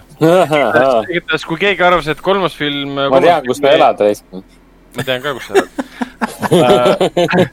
kui, kui keegi arvas et.... laupäeval tulen ja kolgin sisse, Reis et kui keegi nüüd, jah, täpselt, kui keegi nüüd arvas, et, äh, kui keegi nüüd arvas, et Spider-man kolm ei tule, siis tuleb ikka. Tom Holland seal mängib ikkagi Peter Parkerit edasi. me teame, et eelmine Spider-mani film, Far From Home, lõppes siis sellega, et Spider-mani äh, alias või siis äh, salas, salastatud isiksus äh, vabastati, või noh, tehti avalikkuse, toodi avalikkuse ette J.K. Mhm. Simmonsi poolt. Äh, J.K. Simmons muidugi mängis Daily Bugle'i äh, ajakirja peatoimetajat J. Jonah Jamesoni äh, Sam Raimi filmides, kolmes Spider-man'i filmis. Ja see oligi suur üllatus, et nad tõid, tõid selle karakteri hoopis teisest frantsiisist uude frantsiisi. nii, ja nüüd ja. tuli siis uudis, et Jamie Foxx, kes mängis The Amazing Spider-man kahes Shockerit, tuuakse sellest algupärasest frantsiisist, mis nagu ära suri, sest nad kukkusid kinodes läbi, samuti uude filmi. et nüüd nagu... on siis kahest eelmisest frantsiisist äh, toodud kolmandasse frantsiisi samad tegelased. kaks tegelast. nüüd, aga siin aga hakkab, hakkavadki nüüd need fänniteooriad ja vandenõuteooriad, tähendab, kus kohas, kui tuli see Sony andis välja selle Into the Spider-verse, see suurepärane üheksa koma viiskümnest animatsioon ähm,, et äkki nüüd siis see Spider-verse ise, see animatsioon ise on ka osa yeah. sellest äh, nii-öelda universumist ehk siis äh, kaugel me oleme siis sellest, kus me näemegi Tobey Maguire'it ja ja äh, Andrew Garfieldi, Tom Hollandit. ja ka Tom Hollandit, kõike ühes filmis ja kõik on Spider-, Spider-manid. jah, ja Miles Morales ja kõik on koos. et see nende poolt, Sony poolt on selles mõttes kaval nüke, et nad omavad kõiki neid eh, filmi tegelasi nii või naa, et mingit probleemi ei ole. ja nad toovad nad üles, nad teavad, et fännid on seda internetis ju tegelikult soovinud nii või naa et nad on kogu aeg rääkinud sellest, et võiks panna tegelased kokku, aga selles mõttes kohe panna kokku siis Peter Parkerid erinevatest filmidest, vaikselt toovad erinevaid tegelasi kokku. ja ma ei tea, kas see on mingi vihje siis live action Spider-verse filmile, võib-olla kaudselt kuidagi on. ja, aga see minu arust on kummaline otsus, et sa tood teised frantsiisid, mis suri tegelikult üsna kurvalt ära. no mitte kurvalt, aga noh. kadus, kadus lihtsalt pigem, pigem. jah tuli, tuli ja läks ja suure hurraaga tuli ja siis äh, suure vaikuses kadus. et võetakse sealt see karakter, kes oli tegelikult väga alamängitud ja minu arust oli kohutav karakter võetakse see karakter, sama näitleja ja tuuakse uude filmi üle. Äh, ühelt poolt, miks mitte, et, äh, et selle asemel, et uus näitleja palgata ja kui Jamie Foxx oli nõus ka veel, ütleme, sai sama mingi palganumbri ka veel. noh, miks mitte, tuntud näitleja ka. nojah, eks see näha ole, kuidas, kuidas see välja mängib ennast jah, et noh, Spider-man'i tulevik on siin helge, siin küll tuleb uusi, uusi videomänge tal ja uusi filme tuleb ikka ja ja, ja, ja see on vist ainuke Spider-man'i projekt, mis veel filmidest on tööl. ma ei tea, kas Spider-verse'i järjest on ka räägitud või midagi? on, on küll, kui on, on mingid jutud. ta pidi ju, tõenäoliselt on töös juba, kas ta ei pidanud töös olema? ta pidi kohe minema töösse tegelikult, suht oli. ja, ja, ja. okei. no siis on. ta on animatsioon, siis ta on ikka meeletu, meeletu töö, mis selle peale läheb aga Spider-man Into the Spider-verse on praegu siis Netflixis ka olemas, kes soovib uuesti vaadata. ta on Telias ka olemas, nii et äh, saad vaadata e eestikeelset dubleeringuga ka veel. no seda enam. dubleeringuga või, ei? on ikka eestikeelne, eestikeelne du-, dubleering, lapsed, lapsed saavad aru. ei, ma tahan Nicolas Cage'i häält kuulda, ma ei, ma ei, ma ei suuda seal vaadata. oota, seal on ikka Nicolas Cage või, kus kohas? see Tusk või mis ta nimi on, Tusk Spider-man Eh, Noir, Noir Spider-man. Noir Spider-man. kusjuures ma ei ole siiamaani näinud seda inglise keeles, ma olen näinud seda ainult, ainult, ainult eestikeelset dubleeringu näinud. aga kes seal huvitav teeb selle eestikeelset häält sellele Noir eh, Spider-manile, see, kes seda mantlit kannab ja on mustvalge? oh jumal, see, ma võib-olla leian selle üles, selle info, aga. sest, eh, sest see, kuidas Nicolas Cage ütleb, et mõnikord ma lasen tikul põleda lõpuni välja, et ma saaksin ainult midagi tunda on üks asi, aga see, kuidas seda ütleb Eesti näitleja, on hoopis, kapitaalselt teine asi tõenäoliselt. kindlasti, ma ei tea, keegi, keegi, Indrek Ojar tegi tema häält või midagi sellist. nii, Mary Jane bla,, blablabla. Indrek Ojari oli kõrvalosades, ahah mm. -hmm. sulgudes on kõrvalosades, väga meeldiv mm. -hmm. Lauri Vedaja kusjuures tegi Peter Parkeri häält ja mm. Mart Mati Hallik tegi Miles Moraal-, Moralesile, see on see Youtuber ju. on jah. Äh, ja see, see üks naisterahvas, kes laulab, kelle nime ma ei mäleta, Ariadne Pedanik või? tema sa... tegi ka siin filmis häält Benny Parkerile. sa nagu Juurest räägid on... inimesega, kes on hästi kursis Eesti mingite Youtube'i. ei tea, ma ka ei tea, ma ka ei tea. Alo Kõrve ah,, Alo Kõrve tegi Ämblikmees Noari. kes see Alo Kõrve on? sa ei mäleta teda või? Äh, sealt. Äh, ta ju hiljuti siin mängis mingis filmis ka. ta on äh, he, selle. Buratino Sandasat, ma ei tea, kus me teda näinud oleme, mustad, mustad lesed äkki või? kuskilt sealt oleme teda näinud. või Perekonna valed, sihuke film oli ka. et ma enam nii hästi ei mäleta. aga ma ei tea, mismoodi tema hääl on, aga ma mäletan mingites väikestes rollides seda küll, seda küll mäletan. perekonnavaled oli mm.. vaadake Teliast järgi, saate kohe vaadata, saate ära vaadata. viimane võmm. jah, kohe hakkan vaatama eesti keeles. aga rääkige nüüd, mis meil siis tulemas on? räägime uuest kino, kinonädalast, et siin üheksandal oktoobril alustab siis Foorum Cinemas kinodes äh, Margus Paju spioonipõnevik. Margus Paju on siis reisijal, kes tõi meieni Supilinna salaseltsi, tema uus eh, siis eh, järgmine film siis spioonivanevik O2, kus siis eh, peaosas särab Priit, Priit Võigemast.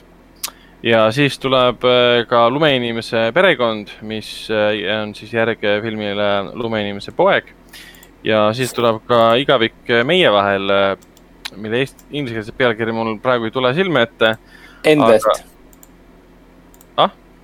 Endless End-, aa, Endless lihtsalt või?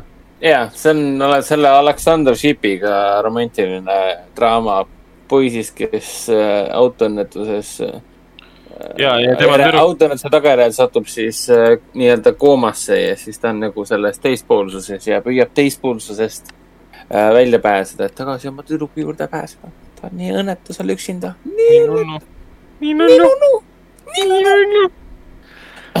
Aleksander Sipp on siis see, kes selles äh, äh X-mehed apokalüpsises äh, noort äh, tormi mängis. ma uh, tundsin, et ma pean selgitama, miks ma seda nime ütle, üldse oli, ütlesin. see oli noor torm jah. okei jätkame nüüd. see oli nii halb film, et ma ei mäleta ligi, ligi aju läks kinni lihtsalt praegu ja see on see, et oota, mis torm, seal oli okei okay,, igatahes pole oluline. selge. ja veel on tulemas siis viiendal novembril, mis on vist viies kord, kui ma seda mainin, Idiot Breyer, Nick Cave, Alone at Alexandra Palace. kinos Artises äh, tulevad ka siis O2 ja Lumeinimese perekond, lisaks äh, toimuvad, äh, toimuvad meil ka eriseansid filmiga Sest ta on naine ehk siis On the basis of sex, mis on siis muidugi Ruth Bader Ginsburgi Äh, mälestusseansid, äh, kuna äh, USA mm, ülemkohtunik siis lahkus meie hulgast ähm, kaheksateistkümnendal septembril ja tema auks ja mälestuseks toome tagasi filmi, kus, mis kujutab siis noore Ginsburgi karjääri esimesi suuri, suuri võite. ja kus siis Ginsburg ennast, ennast mängis, oota ah,. mul aju praegu hakkas töötamas. kes mängis On the basis of sex'is äh, uh,? Felicity Jones. Felicity Jones, täpselt jah, ja, ja, ja. Felicity Jones läheb mul kogu aeg peas sassi Gemma, Gemma Attoniga, ma ei tea, miks see juhtub mul. Gemmaga või? jah, ei, see on täiega veider, täiega veider. kummaline. Artises on nüüd muidugi teisest oktoobrist kuni üheteistkümnenda oktoobrini Jahv Äh, hetkel kõige populaarsemad filmid on näiteks meil Tema sinine taevas, mis on juba teisel oktoobril õhtul ja sinna on põhimõtteliselt terve saal ära ostetud, see on ühe korra ainult. ja, ja, ja kodukal on meil kõik filmid, kõik filmid olemas, avafilm on siis vastupidi ehk siis Contora, mis eelmise aasta PÖFFil võitis äh, Grand Prix auhinna. Äh, me näitame siis ka Takashi Miike mm, esimest armastust, me näitame Kim Ki-duki filmi Kevad, suvi, sügis, talv ja taas kevad. Lõuna-Korea reisijal Kim Ki-duk on siis kaheksandal oktoobril äh, meil ka kohal, äh, juhatab filmi sisse ja pärast toimub temaga pikem, pikem vestlus mis on väga tore ja äge, sest ta on ikkagi üsna legendaarne režissöör. muidugi klassika, mis Jaffil peab alati näitama, on siis Satoshi Koni Paprika ja viimase aja klassika on muidugi see, et tuleb näidata Your Name'i ehk sinu nime ja siis tüdruk, kes äh, muutis ilma. näitame ka siis viimast äh, Pokemoni filmi Detective Pikachu ja siis eelmist Pokemoni. Pika, Pika. kurat küll, klassikalist äh, Pokemoni filmi Pokemon the Movie I Choose You ja, ja siin on palju veel, mis, mis on, väärib vaatamist ja kindlasti tasub Artise kodulehele minna sündmuste alt, leiate Jahvi. Kõik filmid on välja toodud, filmide peale klikkides on olemas kõik seansi ajad. Meie unistuste talu Biggest Little Farm, The Biggest Little Farm alustab meil siis ka kümnendal oktoobril. Väga tore, võimas, inspireeriv dokumentaalfilm LA perekonnast, kes hakkavad nullist looma oma, omaenda talu. Meil on siis ka lastefilmide, lastefilmide festival toimumas, mis on mõeldud siis pere kõige pisematele. näiteks meil on selline film nagu Paras pähkel, lugusid oravamaailmast, mis on hästi lõbus dokumentaalfilm eestikeelse dublaažiga et Raiko näiteks saab äh, mõelda selle peale, et seal lapsed kaasa võtta. siis meil on olemas Prantsuse äh, lihtsalt. ja, ja meil on äh, lühifilmide kogumik Kokamütsiga öökull, kus on ka siis eestikeelne dublaaž, kus on siis viis erinevat lugu, mis puudutab siis toiduahelat ja toitumist, aga väga-väga humoorikas ja fantaasiarikas stiilis siis muidugi ka Printsi, Printsi merereis, mis on natukene, The Princess Voyage, mis on siis natukene vanematele mõeldud äh,. jutustab sellistest ahvi, ahvide tsivilisatsioonist, et äh, kus ühed ahvid arvavad, et nemad on üksi maailmas ja tuleb välja, et on olemas ahvide riigid ja nad kolivad sinna. ta on põhimõtteliselt nagu sa vaataksid äh, uut versiooni äh, selle Planet of the Apes'ist, aga ta ei ole Planet of the Apes ja meie unistused talu ka, aga seda ma juba mainisin. ja mida ma veel mainin, on kindlasti Põleva tütarlaste portree, äh, Portrait of äh, Lady on, on Fire. Äh, kahekümne teisest septembrist eh,, oktoobrist on ta meil näitamisel kümme seanssi, neljanda, neljanda no, novembrini. fantastiline film, kaunis film, kohustuslik igale, igale filmisõbrale. nii Netflixis on nüüd tulemas hunnik asju, mida ma siia enne üldse. ma panin siia natuke midagi juurde ka, sest tasuks mainida asju, mis on päris huvitavad. Netflixi neljandal oktoobril tuleb jah, ma vaatasin seda treilerit ka, David Attenborough Life on our planet, sest David Attenborough on muidugi legendaarne pealelugeja. Voice over mees jah. oli siis Our Planeti seeria oli see viimane, mis ta tegi. ja seekord ta tegi siis dokumentaalfilmi, kus ta mitte ei loe peale ainult, vaid äh, räägib ka iseendast ja oma enda vaatevinklist ja kuidas me peame planeeti hoidma ja seekord, äh, seekord ta loeb peale omaenda elule. ja täpselt, täpselt. See on siis... Äh, võib-olla kõige, kõige kurvem asi selle juures aa, Raiko. see tähendab, et see on ju viimane peatükk, see on läbi. nojah ja., aga tead, ta ongi mingi kaheksakümne aastane. kui, kui temast räägitakse, siis pigem äh, minu küsimus on see, et kas ta on ikka veel elus? David Attenborough on üheksakümne kolme aastane jah. et tal on ikka päris äh, pikk elu selja taga. ta on juba elanud jah, väga pikalt. Ja väga palju elu jooksul teinud ka, nii et see on ikka võimas saavutus. mõelge, ta on teist ku-, kuuskümmend kolm aastat vanem. tema oli kuut-, oli kuuskümmend kolm, kui teie sündisite, mõelge selle peale nüüd. Vau. see paneb mõtlema küll, jah jah, et tema oli juba siis kuuskümmend kolm, ta oli siis juba vanaisa värk, kui teie sündisite. ta oli siis pensionär, kui me sündisime ja siiamaani elus täitsa metsas jah, nii et jah, eks no. eks see niimoodi, niimoodi läheb, kujuta ette, kuuskümmend aastat, kas te kujutate, kujutaks ette, et kuuskümmend aastat teha veel seda podcast'i näiteks uh,? jaa, mina küll kujutan ette. kuuskümmend aastat mina ka kujutan ette, et no kuue, kuuekümne aasta pärast me siin rahulikult istume. täpselt samas situatsioonis mm. -hmm. Discordis. Igatahes äh, Netflixi tuleb siis veel ka muidugi The Haunting of äh, Bly Manor, mis on siis antoloogia seriaali teine hooaeg. esialgse, esimese hooaja nimi oli siis The Haunting on Hill House. Mike, mis ta oli, oli Mike Flanagan või? jah yeah Mike Flanagani, kes hiljuti siis tõi meieni Doctor Sleepi näiteks ähm, äh, Stephen Kingi põhjal. Uus äh, õudusseriaal, mille ta on osas siis ka lavastanud, näeb fantastiline välja, seal on väga, noh, väga mitmed samad näitlejad, kes olid ka esimeses hooajas. ja, ja siis juba, see on siis üheksandal oktoobril, kaheteistkümnendal oktoobril jõuab meie siis äh, Keep and Age of Wonder Beast'i kolmas hooaeg, kuigi alles teine hooaeg tuli. kuidas nad toodavad seda nii kiiresti, ma ei saa aru. Ja see on kõik väga positiivne, mina olen tohutu suur fänn, nii et Keep and Age of Wonder Beasts nagu kuld, puhas kuld. Äh, tunnistan, et esimene hooaeg mulle väga-väga meeldis, aga ma ei ole vaadanud uuesti ähm, üle, tähendab teist hooaega.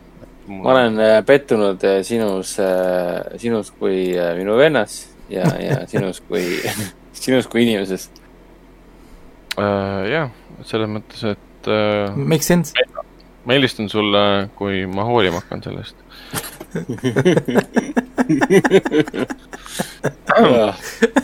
aga jah, aga jah, aga igatahes räägime zombidest äh,. zombiõudukas To the Lake on tulemas siis äh, Netflixi seitsmendal oktoobril ähm,.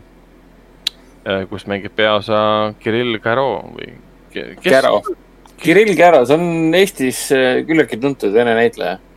Ta on siin Nuuskias, äh, Nuuski jooksis vist Kanal kahe pealt ja ta on üldse, sa paned Kirill Kära Google'isse sisse, sa tuled kohe ta näo ära. aa ah, ja, ja, ja tean küll muidugi. ja, ja seitsmendast oktoobrist tuleb jah, mingi uus imelik vene zombiõudukas, kus äh, suurlinna tabab siis mingi zombipandeemia ja kõik inimesed põgenevad seal ja kogu see bäng on olemas, kõik see, mis me oleme harjunud Hollywoodis nägema, aga tundub nagu põnev asi, mida vaadata, aga mitte inglise keeles eh, või siis korea keeles. Kas vene film on tehtud vene keeles, kas tõesti saab olla? see on äh, kusjuures sari. sari, aga no kuna see Netflix, Netflixis, siis tõenäoliselt on ingliskeelne dublaaž juba valmis. jah ükskord peaks nagu südame rindu võtma ja proovima äh, lihtsalt vaadata mingit, mingit uut filmi äh, vales keeles. ega kusjuures nendel on väga kvaliteetsed dublaažid tihti ähm,, nagu väga kvaliteetsed du-, dublaažid. kui sa ei keskendu, sa ei pruugi arugi saada, et see on dublaaž. no jah, aga ikkagi, kui sa juba tead, et ta ei ole selles keeles, äh, siis, siis sa räägid tuud, siis noh, tunneta ära ma arvan vähemalt.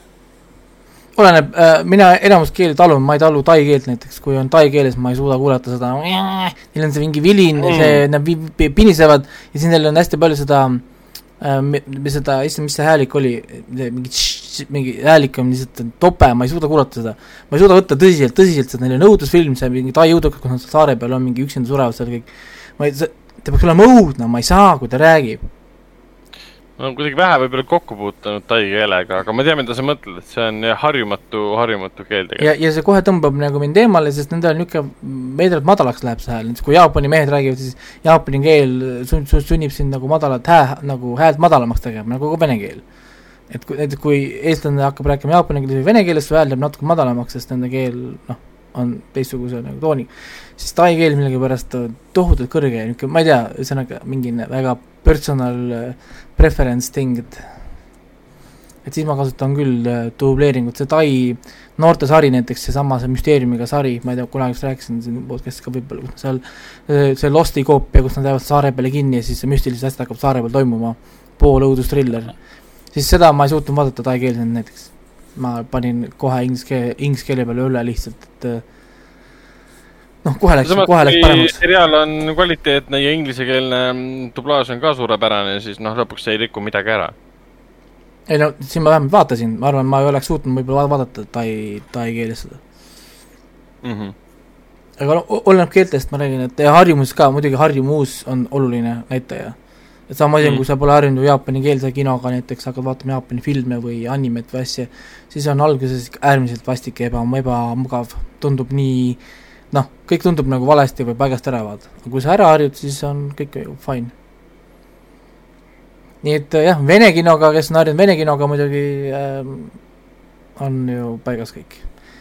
ja mis meil siis veel jäänud on, Netflix. Aga ah, sul oli veel asju siin, ja, ja sul oli veel mainin, äh, mainin ära ka, et vahepeal jõudis siis Edward Zwicki Glory äh, Netflixi, tegemist on siis kaheksakümne üheksanda aasta filmiga, suht legendaarne, James Horner tegi muusika, Zwick lavastas äh, peaosades Matthew Broderick ja Denzel Washington äh, võitis, kokku võitis kolm, äh, kolm Oscarit, operaatoritöö, heli ja siis muidugi parim kõrvalosa. Denzel Washington võitis ka selle eest Oscari. See on väga äge film, omal ajal mäletan seda televisiooni vahendusel sai palju, palju vaadatud. lugu ise on jah, siis äh, USA kodusõja ajal, kui kodusõja esimene ütleme, ainult mustanahalisest koosnev vabatahtlike armee osa siis äh, läks, äh, läks võitlusesse ja kuidas nad said äh, selle ülesandega hakkama või siis ei saanud.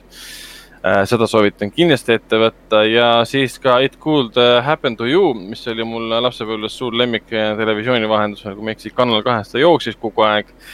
film siis Nicolas Cage'i ja mm, Richard Fondaga aastast üheksakümmend neli. Äh, hästi soe, südamlik äh,, tore film lihtsalt suvalisest politseinikust, tänavapolitseinikust, kes võidab miljon dollarit lotos, aga äh, enne, enne selle võitmist ta on just lubanud ühele täiesti juhuslikule ettekandjale, et äh, äh, mul ei ole sulle tippi anda, aga ma annan sulle tipiks äh, äh võidu äh,, mis ma võib-olla saan. pool võidust. pool, pool võidust täpselt ja ta on au, aumees ja tulebki hiljem tagasi, ütleb, ma võitsin Äh, võitsin, äh, võitsin miljon dollarit ja annan pool sulle ja see lööb muidugi, paneb alguse muidugi väga kohati piinarikale sündmustahelale no,, mis me, puudutab siis meedia, meedia ja tema enda naine ja. meedia Frenzy ja tema enda naine täpselt jah, et see on kõik äh, väga, väga, väga äge tegelikult, soovitan ette võtta. ja The Green Mile soovitan vaadata Stephen Kingil romaanil film Frank Tarabuti lavastatud, Tarabut on sama mees, kes tegi Stephen Kingi põhjal Shawshank Redemptioni Tannemat on sama mees, kes tegi siis ka esimese ja teise hooaja äh, Walking Deadi, ta tegi The, The Misti. nii et äh,, nii et soovitan vaadata, sest noh, Tom Hanks on peaosas ka ja Michael Clark Duncan ja no, igatepidi. ja kui pole ammu, ammu nutnud, mõtled, et võiks ju korraks veel natuke nutta, et. jah, südamlik äh, südamlik äh, fantaasia, draama, aga ma olen seda ikka mitu korda vaadanud, isegi hiljuti vaatasin ka uuesti, et ülimalt kvaliteetne film ja Requiem for a Dream, kes tahab äh, tunda sügavat depressiooni, aga näha seda mm, väga lahedas, äh, lahedas tempos ja ägeda muusikasaatel ja ägeda stiil.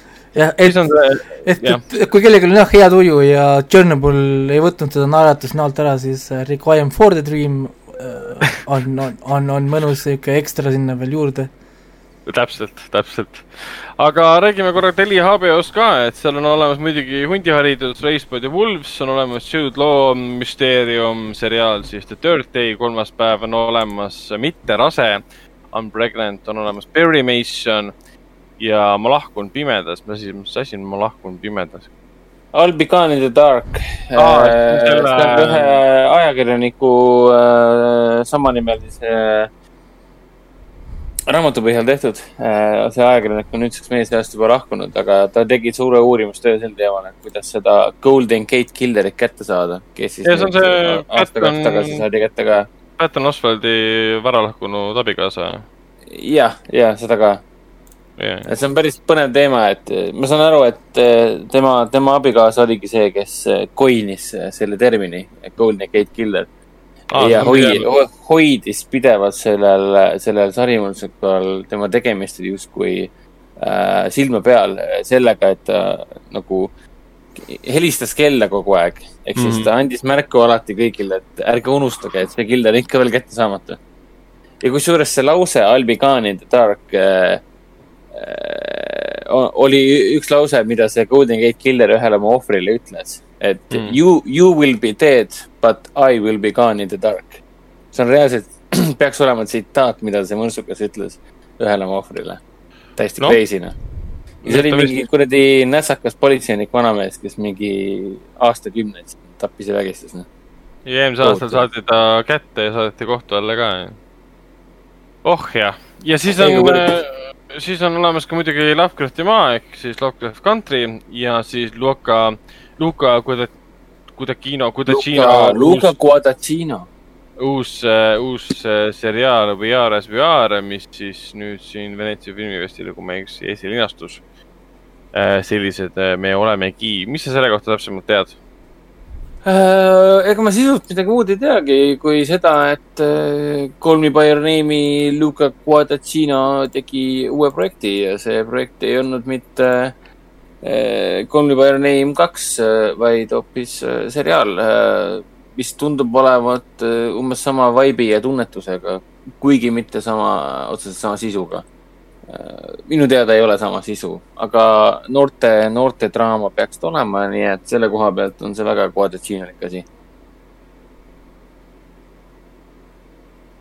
jah, täpselt äh,. jah, Amazon Prime videos on olemas The Boys kaks, tähendab The Boys'i teine hooaeg tähendab.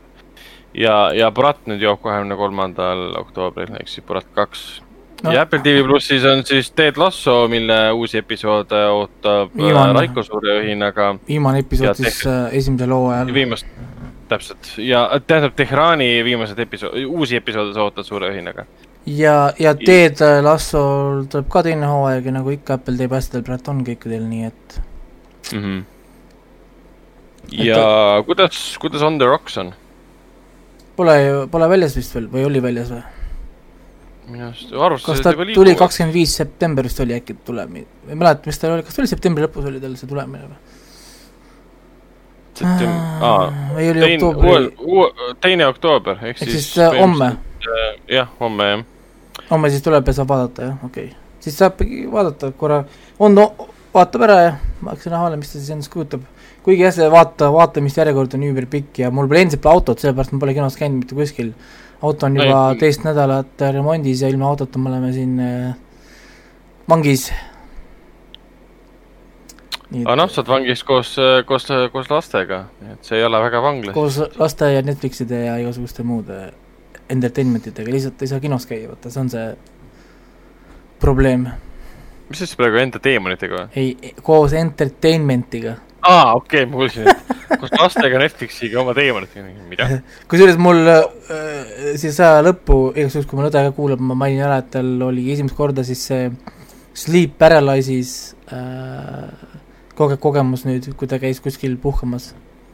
või, et kuidas mingi Oi ku-, ku-, kummitusbeebi talle teki alla tuli ja talle näkku, näkku, näkku karjus. mida? oot, sinu, kes see õde või? jaa, nägi sellist asja öösel või? nojah, sleep paralysis ehk siis see, kus sa nagu äh, füüsiliselt ärkad üles, aga keha on, mõtleb, et sa magad ja siis äh, Jaa. ja siis tuleb sellest tekkivast sega, segadusest tekivad sul luupained, mida sa siis füüsiliselt näed. täiesti lõpp lihtsalt. masendav. ma olen ka korra seda, korra või kaks seda elus saanud, ma ei tea, elu sees midagi seda, sellist enam uuesti kogeda. liigu-, liigutada, liigutada ei saa ja pead lihtsalt vaatama, kuidas mingid monstrum, monstrumid sinuga asju teevad. jaa, põhimõtteliselt jah. sa ei pruugi neid nähagi, lihtsalt sa, sa tead, et ta on sinu juures ja see on kõige hirmutavam üldse. sa ei saa ennast kaitsta ka, noh. vastik, tuleb meelde kõik praegu. et, et kohe, kohe, kohe tahaks mõnda head õudukat vaadata, kohe tekkis niuke asi, kell on parasjagu. otsin, otsin siit Eftexis või Amazonis siin mõne hea äh, kuradi, eriti creepy õuduka ülesse. jah, aga see ongi kõik ju. seda siin vastu, vastu, vastu reedet vaja. siis ongi meil kõik see on kõik seekord, järgmises saates saame juba rääkida siin, vaatame, äkki õnnestub O2-st rääkida juba enne. järgmises saates me räägime kindlasti Race by the Wolves esimesest hooajast, Ted Lasso esimene hooaeg, kuidas kõik ja. äh, lõpuks äh, toimis. sest asjad saavad no,, asjad saavad läbi, poisil on ka ainult kolm episoodi veel jäänud, nii et ega asjad saavad läbi ähm,, nii et, et äh, mm ei no kindlasti räägime ka kinofilmidest, kinofilmidest Mustarastas ja Martin Eden ja kui õnnestub ka siis loodusjõud, aga.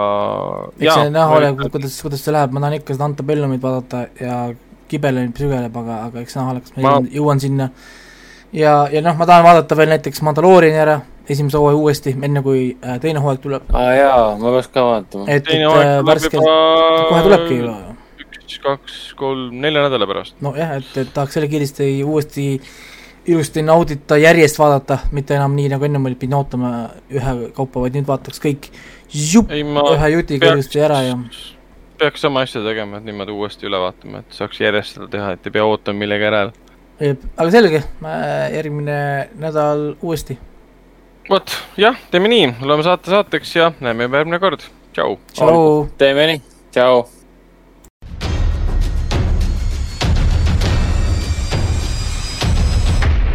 Kinoveebi Jututuba podcasti toob teieni Foorum Cinemas